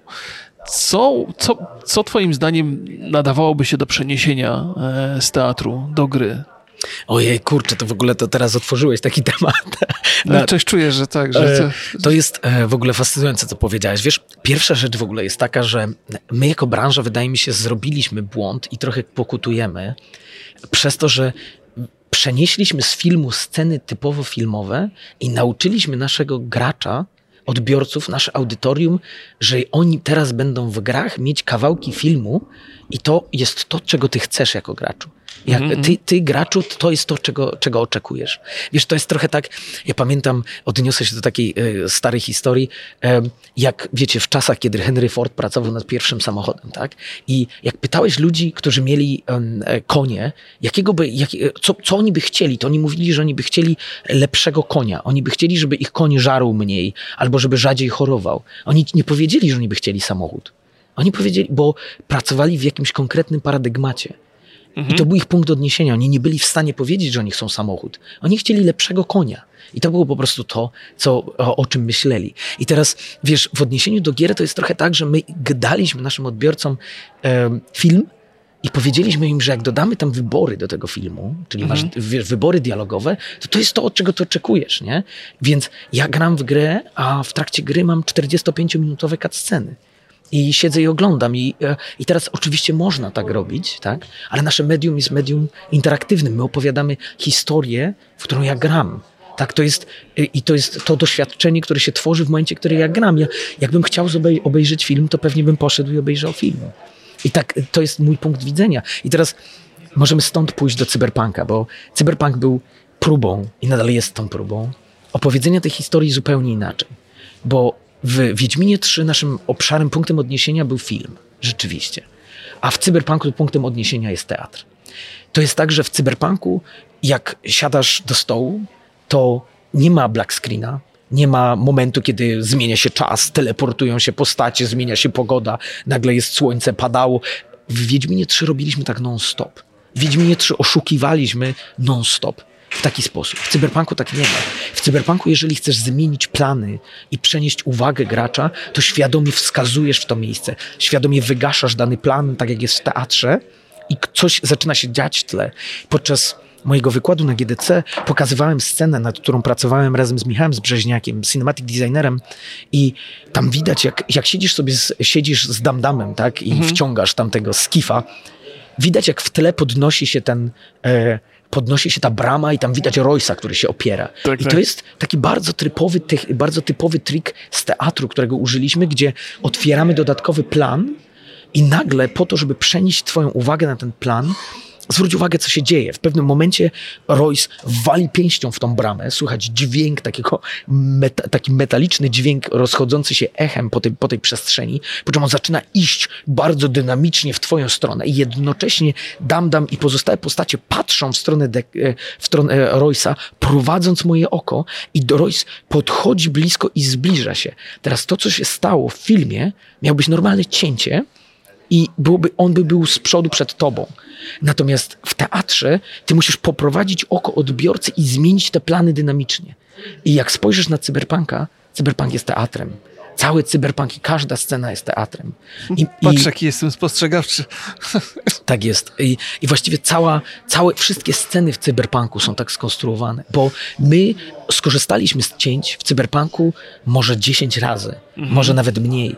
Y, nigdy, właściwie przez cały czas jesteś w butach V i to się nigdy nie zmienia i my ci praktycznie nigdy nie zabieramy kontroli nad graczem, chyba że tak zdecydujesz. Chyba że powiedziałeś, to ja siadam i teraz domyślnie ty jako gracz zdecydowałeś, że jesteś ok z tym, że siedzisz i to jest twój punkt widzenia. I to jest twój, twój kąt kamery, tak jakby, z której obserwujesz e, rzeczywistość, obserwujesz akcję. Ale jako gracz nie musisz tego zrobić. Jest, jest wiele scen, gdzie po prostu możesz tak naprawdę e, usiąść, a nie musisz. Nie? Na przykład jest ten moment, kiedy Kerry Eurodyne spotyka Askrax, tak? i tam jest ten moment, że możesz sobie z tymi dziewczynami rozmawiać stojąc i z Kerrym, mhm. ale możesz też usiąść, gdzie masz zupełnie inny kąt kamery i my ci przewidzieliśmy tak, te różne punkty. Opowiadałem o tym na GDC, to jest coś, co nazwaliśmy sweet spotami. Tak? To jest ten taki idealny punkt, gdzie niewidzialna ręka designera prowadzi cię, żebyś usiadł albo stanął. Ale my ci nigdy nie mówimy, hej Remigiusz, to jest źle, bo tutaj zobacz, tu z tej strony tego nie widzisz. My polegamy na, na tym, że ty jako odbiorca ustawisz się tak, żebyś widział akcję najlepiej, jak tylko możesz. I to jest ten, to zaufanie, bo dla nas ten, ten experience, tak, to doświadczenie mhm. tworzy się pomiędzy nami jako twórcami, a tobą jako graczem. I ty jako gracz decydujesz o tym, że chcesz mieć jak najlepszy experience i ustawiasz się tam i my tylko w taki niewidzialny sposób staramy się prowadzić. Ale jest bardzo ciekawy, bardzo ciekawy temat, to nam bardzo długo zajęło, zanim my doszliśmy do tych wszystkich um, innowacji, tak, które, które Scene System w Cyberpunku oferuje. Ja miałem przyjemność być jedną z osób, która go projektowała razem z kilkoma innymi designerami i, i ja jakby bardzo mocno, bardzo mocno puszowałem ten system, tak, żeby, żebyśmy mogli zrobić rzeczy, które będą unikalne. I tutaj chciałem tylko wspomnieć naszych cinematic designerów, którzy ogromną pracę włożyli w to, żeby te sceny dobrze wyglądały. E, ale wiesz co, ta referencja teatralna e, była z wami od początku, czy jak, jak to w ogóle, jak doszliście do tego, bo to jest bardzo interesujące i w sumie rzadko spotykane, że znaczy, czasami się zdarzają gry, które mm, mają jakąś oczywistą, odniesienie oczywiste do teatru, mhm. ale tak się nie, niewiele o tym słyszy. Oczywiście, no bo wydaje mi się, że dyskurs y, jest niewiele osób, które y, zna, nazwijmy to, temat na takim, do takiego stopnia, żeby być w stanie w ogóle ten dyskurs podjąć tak? i zacząć, zacząć na ten temat rozmawiać, e, bo to wymaga no, jakiegoś przygotowania tak, kulturalnego, żeby te rzeczy zobaczyć i zrozumieć. pójść do teatru. Musisz pójść do teatru i zrozumieć, tak? Po prostu i trochę magazyn dialog na przykład. tak. Musisz trochę te rzeczy przeanalizować, żeby to zrozumieć. To było tak, że my, jak zaczęliśmy pracować nad cyberpunkiem, to myśleliśmy sobie, zastanawialiśmy się nad tym, wiedzieliśmy, tak, że robimy grę w pierwszej osobie, że będziemy te sceny opowiadać z pierwszej osoby i zaczęliśmy szukać, wiesz, ja um, pracowałem na w ogóle technologii z Wiedźmina 3, e, gdzie na technologii z Wiedźmina 3 prototypowałem, to naprawdę hardkorowa robota, żeby na tym techu e, trzecioosobowym typowo spróbować sprototypować pierwsze sceny sceny. I w ogóle ten fragment, gdzie jako gracze wchodzimy do Totentans, mhm. E, to był w ogóle mój prototyp. To był ten moment, który ja, to był ten prototyp, który ja wielokrotnie przerabiałem. E, tych prototypów zrobiłem masę różnych e, z animatorami, cinematic designerami, gdzie właśnie próbowałem pokazać, jak właśnie taki moment wchodzenia do klubu w pierwszej osobie powinien wyglądać. I tutaj to nam dało odpowiednio dużo, żebyśmy jakby z tego punktu mogli dalej przejść i pracować kolejno nad, nad scenami w All Foods, które po prostu były jakby naszym kolejnym, um, kolejnym wzorem. I w trakcie pracy nad Totentans mniej więcej to był ten moment, kiedy ja się zorientowałem, kurczę, ja, ja tak naprawdę robię, ustawiam rzeczy tak, jakbym to robił w teatrze. Um, mój background y, jest taki, że ja jakby dzieciakiem to dołączyłem do grupy teatralnej i przez większość mojego życia właściwie byłem, pracowałem przy jakichś grupach teatralnych, byłem w e, Teatrze Akademickim Uniwersytetu Warszawskiego, gdzie miałem przyjemność pracować z aktorami e, Teatru Polskiego na przykład i z Akademią Teatralną. Ale jako aktor?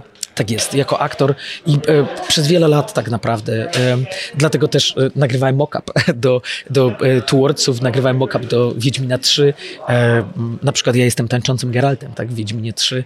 To jest mój quest, tak, wesele, e, to jest mój quest i tak, bo jestem tancerzem, e, uwielbiam tańczyć.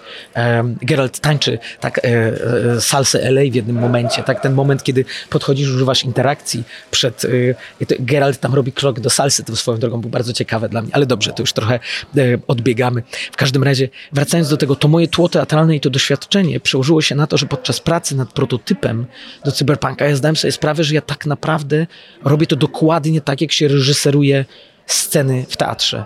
I my stopniowo z cinematic designerami doszliśmy do tego, że my faktycznie reżyserujemy sceny teatralne. I to nam, to nam bardzo dużo dało. To otworzyło nam oczy na to, że rzeczywiście możemy ogromną ilość trików które stosuje teatr, o których troszkę tu już wspominałem, możemy ich używać, bo, bo, teatr już wykonał tę pracę, tak? Przez setki lat istnienia teatru on wykonał tę pracę i my wiemy, do czego się odnieść, nie? Trochę tak jak właśnie te filmowe sceny w Wiedźminie, tak? Korzystały z całego filmowego dorobku, e, tak tutaj mieliśmy nawet większy dorobek, e, na który mogliśmy spojrzeć. Okej, okay, okej. Okay. To jest jeszcze jedna rzecz. Jeszcze jedną rzecz chciałem rozwinąć i to też, żeś poruszył ten temat gdzieś po drodze. Gdybyśmy przekraczali granice, jakie są dopuszczalne w tej rozmowie, to dawaj znać, ale wspomniałeś o Elden Ring. Tak. E, w pozytywnym kontekście. Więc idąc za tym teatralnym pytaniem, e, co jest takiego w Elden Ring, co chciałbyś przenieść do, do, do, do swojej pracy? Co chciałbyś o, zrealizować jest, przy nowych projektach? To jest super ciekawe pytanie. Wiesz, Elden Ring wydaje mi się zrobił jedną rzecz fascynująco dobrze. I um, to jest, e, zastanawiam się, jak to powiedzieć po polsku, e, to jest e, ten moment, kiedy ja jako gracz, nie wiem, wchodzę do tej e, już e, trochę e, memicznej i, i historycznej i, i legendarnej studni, gdzie zjeżdżam w dół i widzę, jak się to wszystko odkrywa przede mną. To Elden Ring zrealizował w nieprawdopodobnie dobry sposób ten um, tra, taki trochę dziecięcy um, tam, tam, to, to takie dziecięce uczucie odkrywania. Mówisz o tym zjeździe do tego świata takiego Tak. pod, podziemnego. Oczywiście, tak, tak, tak, tak, tak, tak, tak. tak, oczywiście, Okej. dokładnie to mam na myśli. Elden Ring zrealizował to niesamowicie i to jest po prostu ten, to poczucie odkrywania i odnajdywania czegoś jest, e, wydaje mi się, tym, gdzie naprawdę utrafili w dziesiątkę. E, I ono w dużym stopniu odpowiada, moim zdaniem, za fajność i za sukces tej gry w dużym stopniu. Em, I tu możemy jakby dzielić włos na czworo. Um, oni dochodzili do tego przez chyba 7 albo 8 gier, a zanim jakby doszli do tego momentu, e, kiedy byli w stanie faktycznie to zrobić. Natomiast jakby ten element odkrywania, on był już w poprzednich, nie? W, w Dark Soulsach, w Demon Soulsach, w Bloodborne, może trochę mniej w Bloodborne, ale też e, e, ten element, że gdzieś wchodzę i nagle, o Jezu, i tam coraz niżej i wchodzę do jakiejś piwnicy i tam jest jakiś loch i tam jest jakieś podziemne miasto, Matka Boska i tam te wszystkie e, trujące e, mgła i nie wiadomo co e, e, i pa- pająki i e, diabli wiedzą co jeszcze. Em, I to tworzyło, to poczucie odkrywania jest czymś e, fantastycznym i e, to jest coś, co naprawdę chciałbym e, na przyszłość zapamiętać i uchwycić jako twórca. Wiesz, to wrażenie, które, które, które któremu Elden Ringowi udało się uchwycić. Um, I tu możemy się cofnąć, może, myślę, krok do tyłu i, i trochę porozmawiać o takich, o tym, co robiły i jaki był nurt um, takich AAA-owych, powiedzmy, gier, co AAA z reguły robi nie? w takich przypadkach. My z reguły staramy się tego gracza poprowadzić. My z reguły staramy się temu graczowi powiedzieć, nie? co, gdzie jest i tak dalej. I teraz spójrzmy na cyberpunka. Nie? W cyberpunku jest takie, powiedziałbym, napięcie w designie.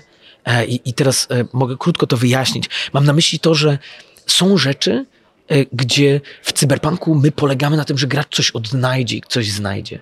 Ale jednocześnie my też bardzo wyraźnie graczowi wskazujemy, gdzie ma pójść i co zrobić.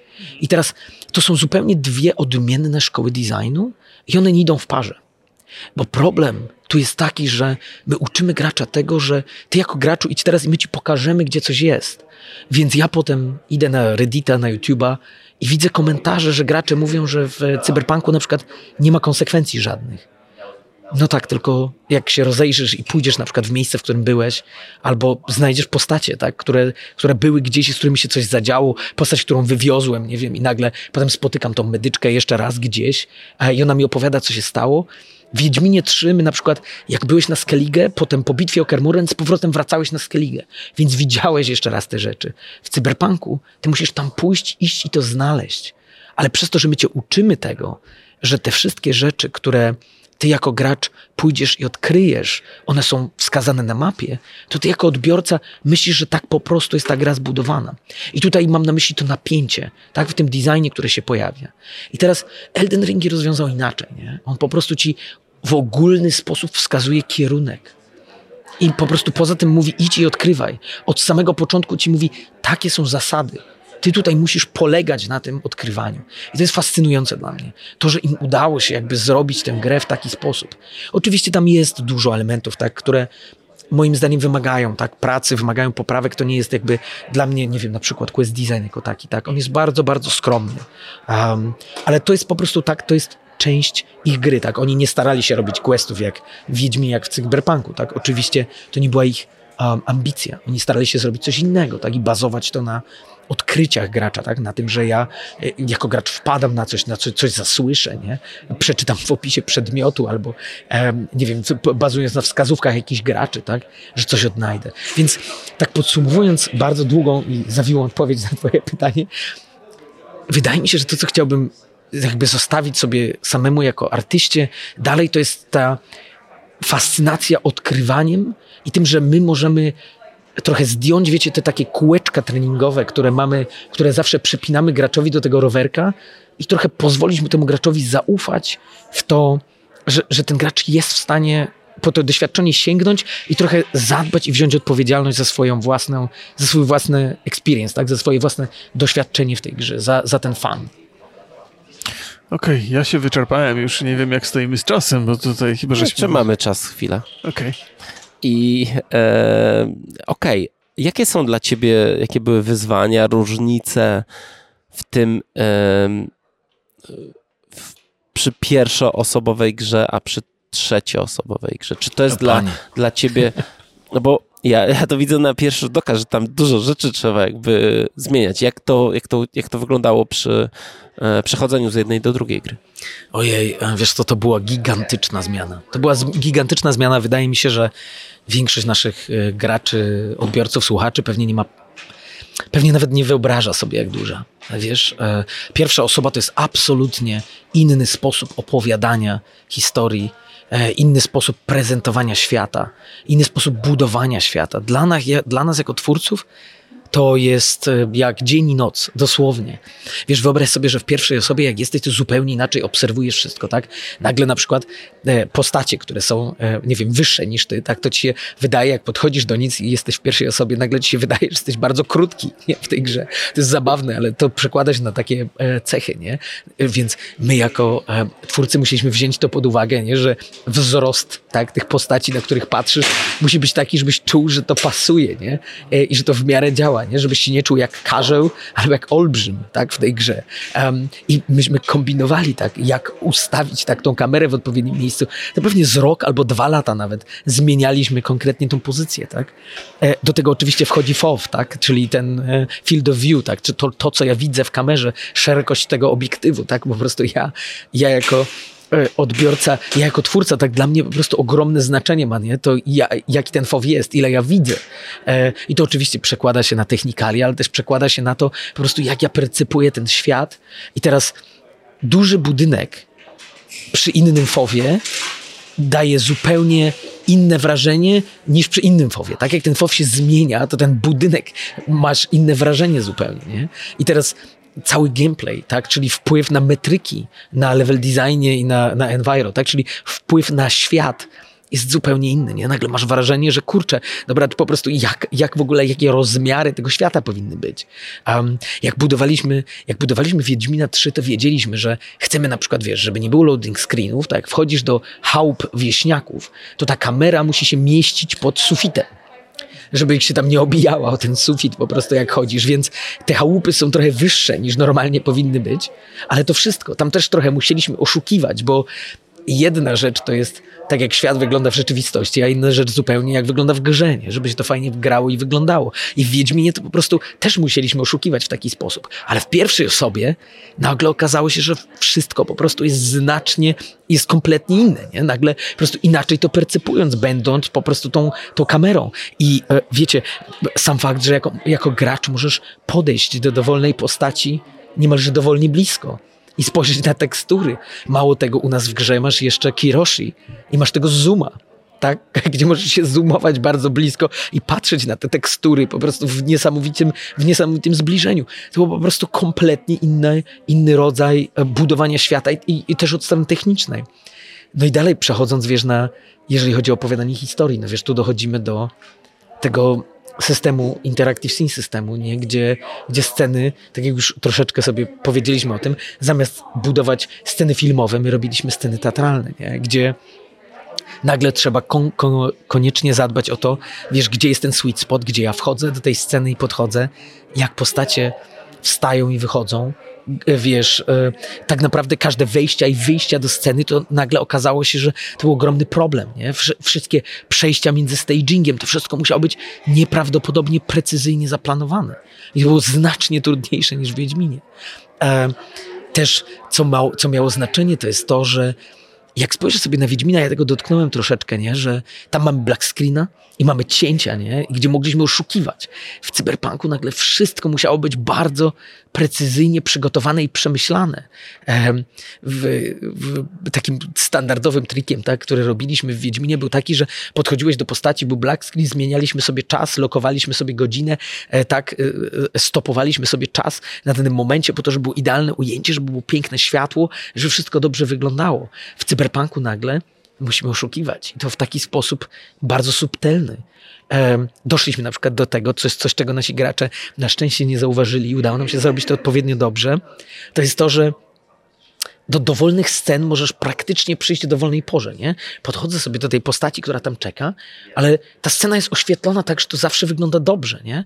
Ale kwestia jest taka, że to nie jest tak, że to jest przypadek. My zrobiliśmy tak, że jak ty jako gracz się zbliżasz do danego momentu, że my wiemy, że tam będziesz miał scenę, my zaczynamy przyspieszać czas i w ciągu jednej sekundy upływa cztery sekundy.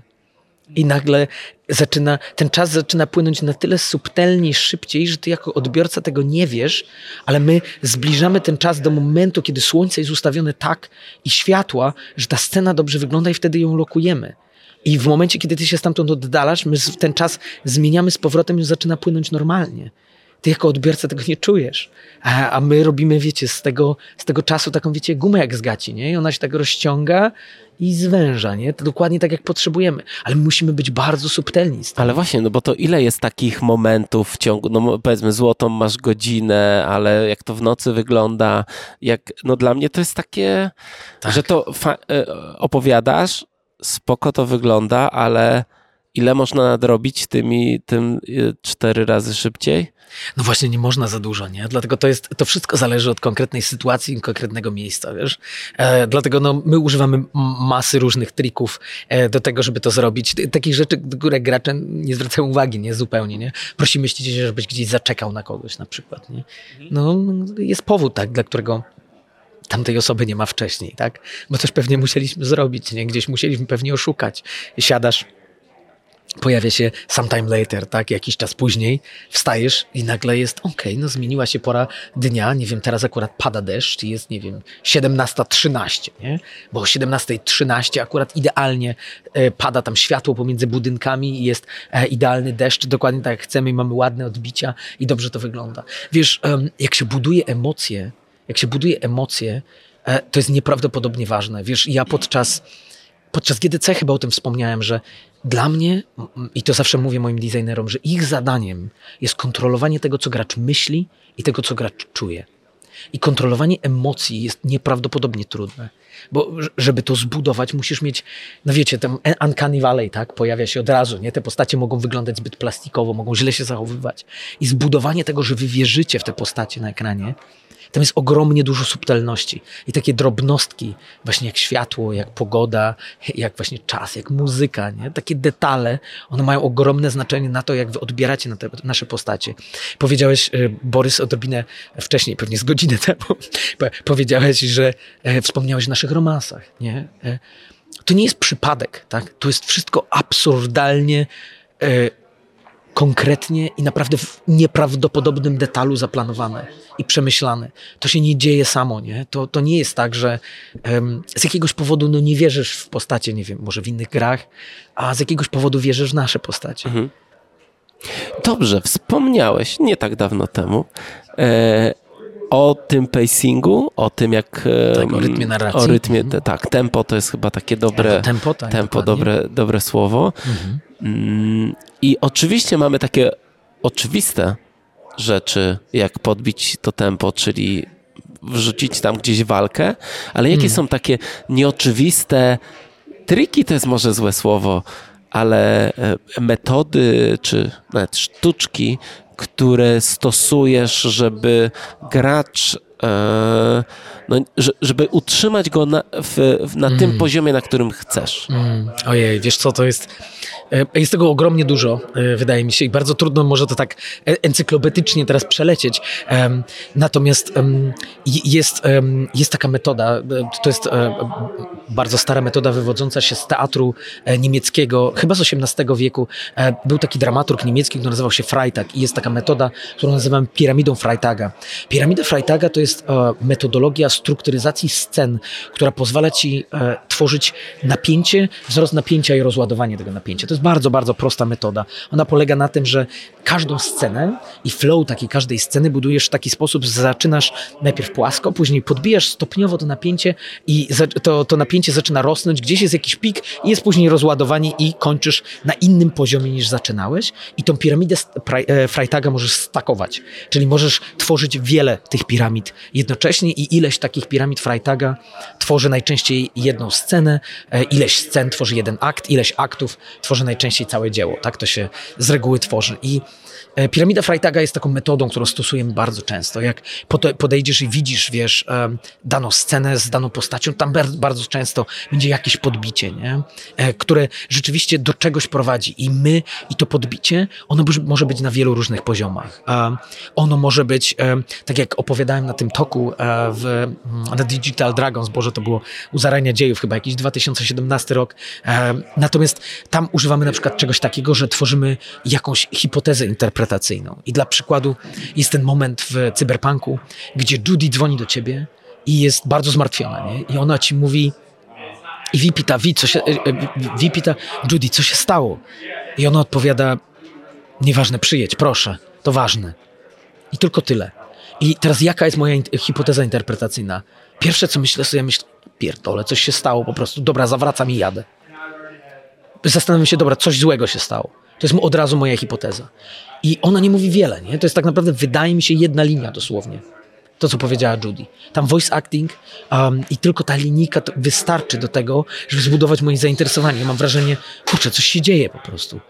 I w ten sposób to jest hipoteza interpretacyjna. I my tą hipotezę albo potwierdzamy, albo ją falsyfikujemy. E, w każdym razie działa to w taki sposób, że my za każdym razem staramy się jakby zaczepić cię gra, jako gracza, tak? E, to jest coś, co nazywamy hookiem, tak? Pojawia się ten hook, ten moment, że jakoś staramy się ciebie złapać? I, i zaintrygować. Masz, tworzymy jakąś hipotezę, ty trafiasz w to miejsce i jedziemy piramidą Freitaga, nie? Rośnie napięcie i potem je rozładowujemy, nie? Wchodzisz po prostu, dzwonisz do Judy, otwiera ci drzwi, nie? Podchodzisz po prostu do tego i nagle widzisz, nie? Że ona siedzi tam i zaraz nie będę spoilował dokładnie, co się dzieje, ale to jest ta scena przy wannie z Evelyn um, podchodzisz i widzisz po prostu nagle i ona, ona mówi o tym, jest Johnny, który to komentuje i, i tym momentem rozładowania działania jest ten moment, jak ona cię prosi, wi podnieś ją, połóżmy ją na łóżku. Bierzesz niesiesz ją i przekuwamy jakby ten żal w działanie. Nie? To jest taka bardzo typowa rzecz, którą e, my jako psychologowie tak podczas terapii stosujemy, czyli staramy się tą daną osobę, której coś złego się wydarzyło, staramy się ją wyposażyć w jakieś narzędzia, które pozwalają jej działać, nie? Czyli załóżmy, stało się coś złego w moim życiu, to teraz ja działam, żeby temu przeciwdziałać i to działa terapeutycznie, nie? I teraz ja podchodzę, podnoszę ją i zanoszę ją tam, mogę coś zrobić, żeby tego gracza rozładować, nie? I to jest taka bardzo prosta, tak? Bardzo proste zastosowanie piramidy Freitaga w, tym, e, w tej scenie. E, natomiast my to robimy super często, tak? To, tam takich, wiecie, chwytów e, jest ogromnie dużo i my walimy poniżej pasa non stop. I staramy się tak robić, no bo na tym polega budowanie emocji u, u, u gracza właśnie. Okej, okay, okej. Okay. Jeszcze mam jedna rzecz. Jeszcze jedna rzecz mi się przypomniała e, a propos twojego panelu. Tak. E, Johnny Silverhand e, jest taką postacią, jaką jest. Mm. Dlaczego potrzebowaliście z Keanu Reevesa od samego początku zrobić trochę dupkę? Ojej, kurczę, to jest bardzo ciekawy temat, wiesz. Um, My od samego początku wiedzieliśmy właściwie, wiesz, na prac, przy pracy nad, nad cyberpunkiem, wiedzieliśmy, że ten story arc, nie, czyli ten taki, nawet nie wiem jak to przetłumaczyć, wybaczcie, nie wiem, um, linia rozwoju postaci przez, e, całą, przez całe dzieło, e, ten story arc Johnego Silverhanda on będzie duży, on będzie długi, on się będzie ciągnął przez całą grę. I teraz zawsze jak projektujesz tego rodzaju wątek, um, musisz go zaprojektować tak, żeby on miał wiele różnych zwrotów i punktów, w których coś się zmienia, bo inaczej ten wątek będzie nudny jak flaki z olejem, będzie się ciągnął, nie będzie interesujący i wiedzieliśmy o tym, gdzie mniej więcej chcemy tego gracza doprowadzić. Nie? Chcieliśmy dać ci możliwość na koniec albo e, opisania tej relacji z Johnem na kilka różnych sposobów. Nie? Um, żebyś mógł być faktycznie jego przyjacielem i faktycznie blisko z nim, żebyś mógł być trochę neutralny z nim, żebyś mógł, żebyś mógł być gdzieś pewnie wszystko pomiędzy, no i zupełnie na, takim, na takiej złej stopie. Tak? Takie były pomysły, gdzie chcemy tego, e, tego Johnego doprowadzić. No i wiedzieliśmy, że w takim razie, jeżeli mamy tą, tego cyberpunka, który jest grą długą i faktycznie tego, ten wątek będzie spory, no to wiedzieliśmy, że musimy zacząć gdzieś um, w taki sposób, gdzie, będzie, gdzie będziemy mogli budować, od czego będziemy mogli budować. I teraz trochę oczywiste dla nas było to, żeby zacząć od tego, że on się pojawia i tam, no nie wiem, w jakiś sposób emocjonalnie staramy się zbudować tę scenę, ale my jako twórcy, my staramy się zawsze gracza zaskoczyć. I przynajmniej taki jest taki jest, um, i to jest to, za co ja w ogóle uwielbiam tę firmę. E, I czy to jest storytelling, czy to jest promocja gry, czy to jest, um, wiecie, e, art. My zawsze wybieramy drogę i przynajmniej zawsze staramy się wybrać. Drogę, która jest trochę nieoczywista, nie? Kto się spodziewał Keanu Reevesa, że wyjdzie na scenę? No, E, nikt. Ja byłem przy tym. ja też, żywo ja, też, ja też byłem przy tym, byłem, No. widziałem to na żywo. I wiesz, kto się tego spodziewał? Nikt, nie? My staramy się po prostu jako studio, my staramy się z tego gracza zawsze zaskoczyć, zainspirować, dostarczyć jakieś emocje. Wiecie, żeby być, żeby być jakimiś, żeby mieć jakąś tożsamość. Okej, w porządku. Słuchaj, ja, ja bo y, sp- specjalnie ci to zadałem to pytanie. Chciałem się trochę w inną stronę skierować, to, to zaraz, zaraz naprostuję to pytanie. Dobrze. Bo wspominałeś na panelu, że w przypadku gwiazdorów... A, tak, tak, to ja już tam zmierzam. Aha, dobra, to, to, to oddaj głos. To znaczy, może dokończ pytanie w takim razie. No bo y, wspomniałeś o tym, że Gwiazdor, z racji tego, że jest gwiazdorem i tak bardzo lubianym jak Keanu Reeves, y, w związku z tym, y, y, żeby gracz stanął po jego stronie, nie trzeba się za bardzo starać. Mhm. To się dzieje jakby z automatu. Ty, wy chcieliście dać graczowi wybór, w związku z tym y, Johnny Silverhand no od początku musiał być trochę dupkiem, żeby zrównoważyć sympatię, jaką odczuwamy do Keanu Reevesa. Dlaczego Tak tak jest. jest? Tak jest, dokładnie. I wiesz, e, właśnie, e, właśnie wiedząc o tym, że mamy tak strasznie dużo miejsca, tak, tak naprawdę, tak, bo, tego, bo, bo e, Johnny Silverhand miał sporo czasu ekranowego u nas w grze przewidzianego, wiedzieliśmy, że musimy gdzieś zacząć, nie? I teraz zaczynałem od tego, że my zawsze staramy się gracza zaskoczyć i zainspirować, nie? I to miałem na myśli tutaj mówiąc, że trochę oczywiste było to, że on się pojawi i będzie naszym ziomem, nie? Więc dlatego stwierdziliśmy, a co by było, gdybyśmy zaczęli zupełnie inaczej? I gdybyśmy zaczęli od tego momentu, że on jest takim skurwysynem, że on próbuje cię dosłownie zabić na sam początek. I tam jest ten moment, kiedy on cię dosłownie próbuje udusić. I ta scena jest nieprawdopodobnie agresywna. On tam jest, on tam po prostu, no wiesz, to jest, y, y, to jest agresja na takim poziomie, że, że wiesz, każdy czuje się zbrukany dosłownie po tej scenie. I, i taki był jakby nasz cel, nie? Bo y, i właśnie dlatego zacząłem trochę opowiadać o tym, że my jako studio zawsze mamy taki cel, żeby cię trochę zaintrygować, zaskoczyć, nie? Bo ja, ja zawsze jak mówię moim designerom, nie, że jak pracujesz nad pomysłem, to najpierw wypisz sobie rzeczy, które są oczywistym rozwiązaniem, odkreśl je i nigdy ich nie używaj. I teraz szukaj dalej. I to jest dokładnie to, co zrobiliśmy. Nie? Tutaj było coś takiego, że zacznijmy inaczej niż wszyscy się spodziewają. Nie? Każdy się spodziewa, o Keanu Reeves, on będzie w grze i pewnie będzie moim ziomem i będzie razem fajnie i będziemy razem strzelać do gangusów. Nie? I każdy się tego spodziewa, okej, dobra, tak będzie. Nie? I my zaczniemy dokładnie odwrotnie, nie? zrobimy zupełnie inaczej. I teraz oczywiście z tym się wiąże dokładnie to, co, e, to, co e, wspominałeś przed chwilą, nie? że Keanu Reeves jest gwiazdą, tak? On jest uwielbiany. I my wiedzieliśmy, że jeżeli chcemy zbudować faktycznie jakiś dylemat, to nie dość, że musimy zacząć w innym miejscu, żeby ten story arc miał, miejsce, miał sens, to jeszcze po prostu musimy rzeczywiście dać graczom odpowiednio dużo argumentów, żeby oni tego Johnego Silverhanda nie lubili, nie? No bo oni i tak będą przeciągani stopniowo przez jego czar, przez jego głos, przez jego acting, oni i tak będą stopniowo ciążyć w jego stronę. Więc to po prostu się wszystko jakoś tam zbiegło razem właśnie w tym designie, który, który A widzimy to, jest, to jest ciekawe, bo ja się nad tym zastanawiałem, jak grałem i miałem taką analogię do takich sytuacji z seriali, często kryminalnych, gdzie jest dwóch detektywów, jeden dobry, zły, dobry policjant. I tak, Tak, stwierdziłem, może wam wyszło, że gracz ogólnie to jest dobry. Dobry giniarz, a Tak, a więc musi być dla równowagi dupek. A to jest cieka cie ciekawe pytanie, wiesz? E, Nigdy się nad tym nie zastanawiałem za bardzo, wiesz? V jest napisana w taki sposób, czy napisany ym, w taki sposób, że ym, tam jest z reguły dwa, czasami więcej, zależnie od kontekstu, sposoby interaktowania z sytuacją, z miejscem, z postacią. E, I rzeczywiście Johnny tworzy jakiegoś rodzaju przeciwwagę. Przez to, że on jest e, jakiegoś rodzaju, można powiedzieć, złym policjantem, to trochę tak e, V ustawia w taki sposób. Aczkolwiek są questy, gdzie te role się odwracają. W ogóle nie wiem, czy, nie wiem, czy zwróciłeś uwagę. Na przykład Sinnerman jest doskonałym przykładem tego. Pamiętasz scenę w Wieczorniku, jak jest ten moment, jak jedziemy do Pies, czyli jedziemy do, do tego dinera, tam sobie siadamy, rozmawiamy z Rachel, rozmawiamy z Joshua Stevensonem Tak, tak, e, tak. i potem po niej pojawia się Johnny I jego rola jest zupełnie inna tutaj. Akurat role się zmieniają. On tu jest dobrym gliniarzem w tym momencie i on mówi ci rzeczy, e, on ci mówi o tym, że Joshua Stevenson tak naprawdę on jest prawdziwym rebeliantem i on w ogóle kwestionuje sam siebie tam.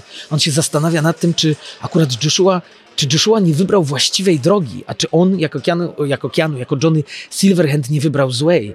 Wiesz, zamiast wysadzać zamiast wysadzać Arasaka Tower, może po prostu tak naprawdę właściwa droga to jest zostanie symbolem dla innych i danie im nadziei. E, I, I, on zaczyna kwestionować sam siebie to i tam jest ta rozmowa i tam te role się odwracają, także wydaje mi się, że w dużym stopniu jest tak, jak to opisałeś, aczkolwiek widzę jakieś przykłady, gdzie czasami to to Ale w serialach to też jest tak, że zawsze ten twist jest, co tam i któryś odcinek, że się zmieniają trochę, mm -hmm. e, trochę rolami. E, mamy parę pytań jeszcze od e, członków grupy naszej. E, najczęściej, najczęściej był o crunch pytanie. O, proszę, to ciekawe.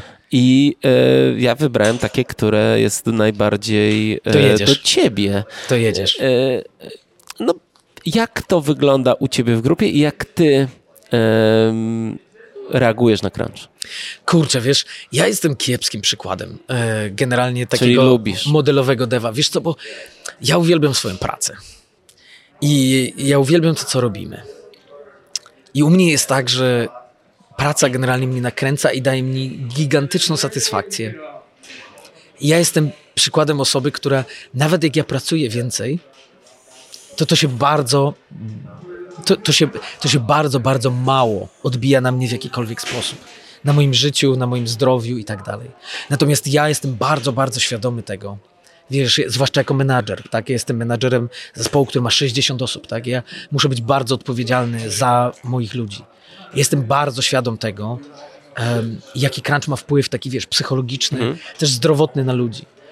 I jak ja widzę, że dana osoba jest zmęczona, to ja zawsze zawsze zwracam uwagę na to, proszę, zrób przerwę, proszę, weź wolne. I wiesz, u nas w firmie akurat to się zmieniało bardzo, bardzo mocno. Nie? Od wielu lat tak naprawdę już jest tak, właściwie od, od Cyberpunka, już jest tak, że właściwie mamy, wiecie, no crunch policy, tak? Nie robimy praktycznie zupełnie, praktycznie zupełnie. E, to jest no, taka zmiana. Przy o... Wiedźminie 3 jak to przeżyłeś, bo tam. Było... Ojej, wiesz co, przy Wiedźminie, ani przy Wiedźminie 3, ani przy Cyberpunku nie przeżyłem tego specjalnie trudno. Dlatego mówię, ja nie, mhm. jestem, ja nie jestem zbyt ja nie jestem przykładem dewa, na którym się to odbiło w taki sposób, żebym mógł powiedzieć, crunch jest zły i e, po prostu, wiecie, zniszczyło mnie to. E, było zupełnie Ale to. Prze przechlapane, nie? wiesz, bo z takim charakterem problem polega na tym, że jak ludzie patrzą na ciebie i cię podziwiają i chcą być tak jak ty, to nie mogę, nie mogę pracować mniej niż Paweł.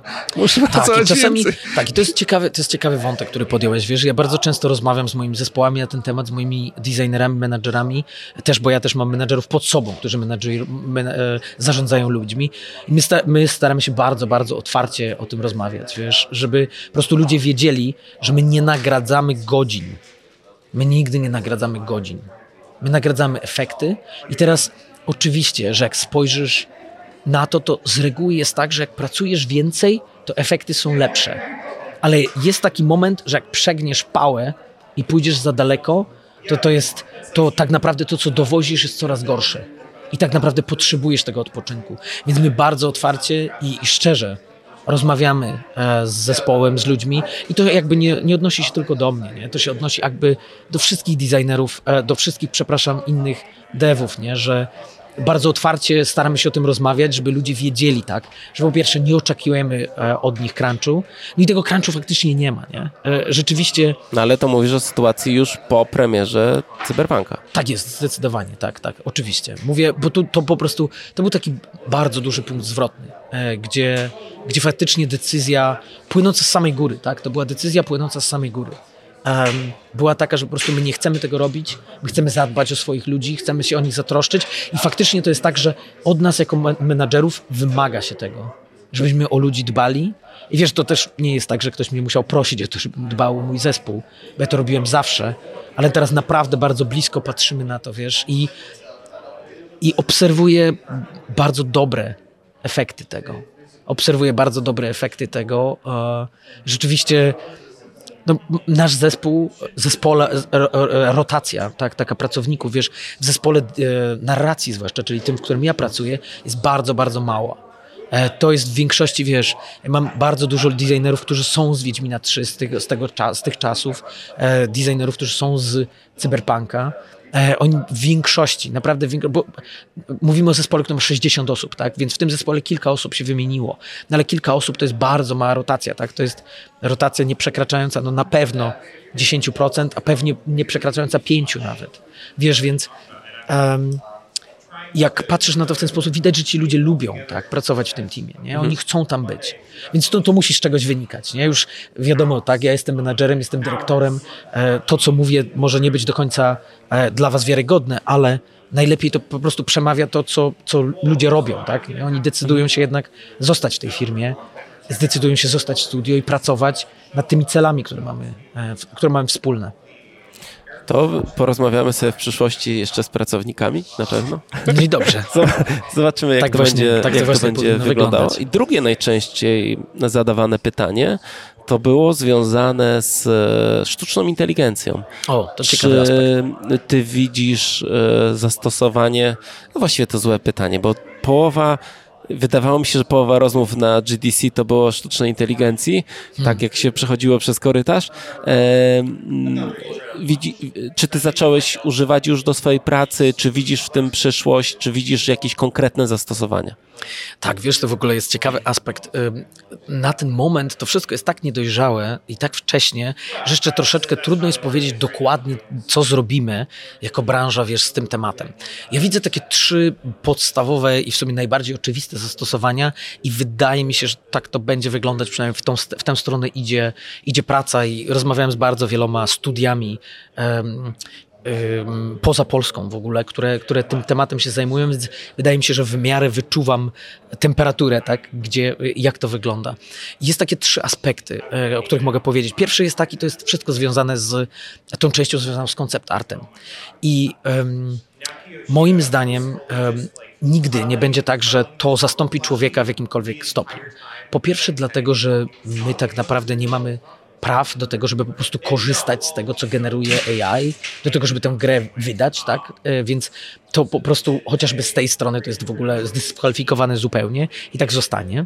Natomiast to, gdzie widzę zastosowanie, to taki wczesny etap jakiegoś rozpoznania tematu, czyli wyobraź sobie, że generujemy pomysły, taki wczesny brainstorming, na jakiś konkretny temat. I teraz my jako ludzie, my jako artyści zawsze jesteśmy sumą tego, co przeżyliśmy, e, tego, co doświadczyliśmy i tego, co sobie możemy wyobrazić.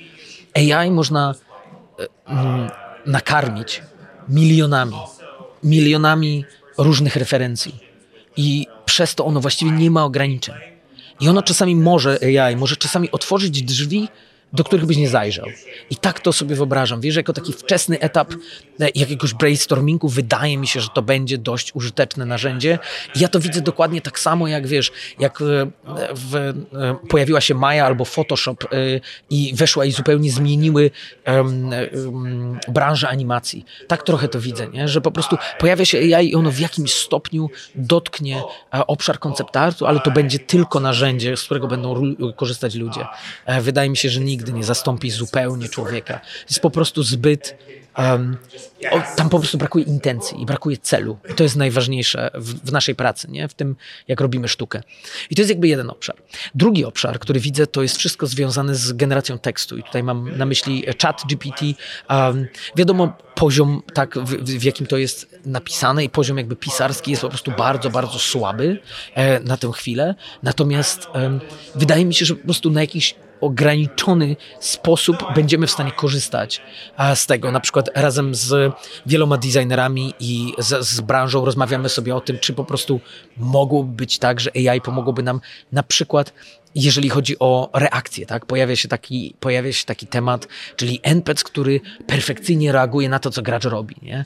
Jest na przykład taki mod do Mountain Blade, pewnie go widzieliście, nie? Gdzie mhm. mogę prawie, że rozmawiać, tak? Tam poziom tego tekstu, poziom tego dialogu jest bardzo słaby, nie? E, to, co tam jest napisane, ale jest, nie? Ale jest i działa i faktycznie gdzieś tam się to sprawdza jakoś, więc być może na poziomie reakcji um, tego e, e na przykład NPC-ów, nie? Żeby oni byli w stanie zareagować e, słownie, to by się sprawdziło.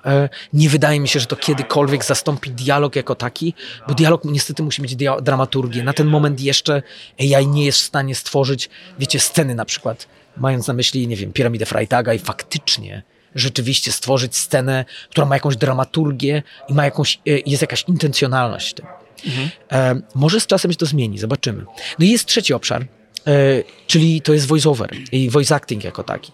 I teraz, again, nigdy nie wydaje mi się, że to zastąpi aktorów w jakikolwiek sposób. E, raczej przewiduję, że będzie tak, że nasi, nasi prawnicy, mam na myśli prawników poproszę, którzy zajmują się regulowaniem tego obszaru, uregulują to w taki sposób, że będziemy licencjonować głosy e, aktorów i będziemy mogli dogenerować rzeczy do głosu, który wylicencjonowaliśmy. Natomiast nie spodziewam się, że będzie tak, że to zupełnie zastąpi E, aktorów, też dlatego, że to będzie nielegalne, tak? bo głos jest jakąś częścią danej osoby, mm, no i to jest istotne. Tak?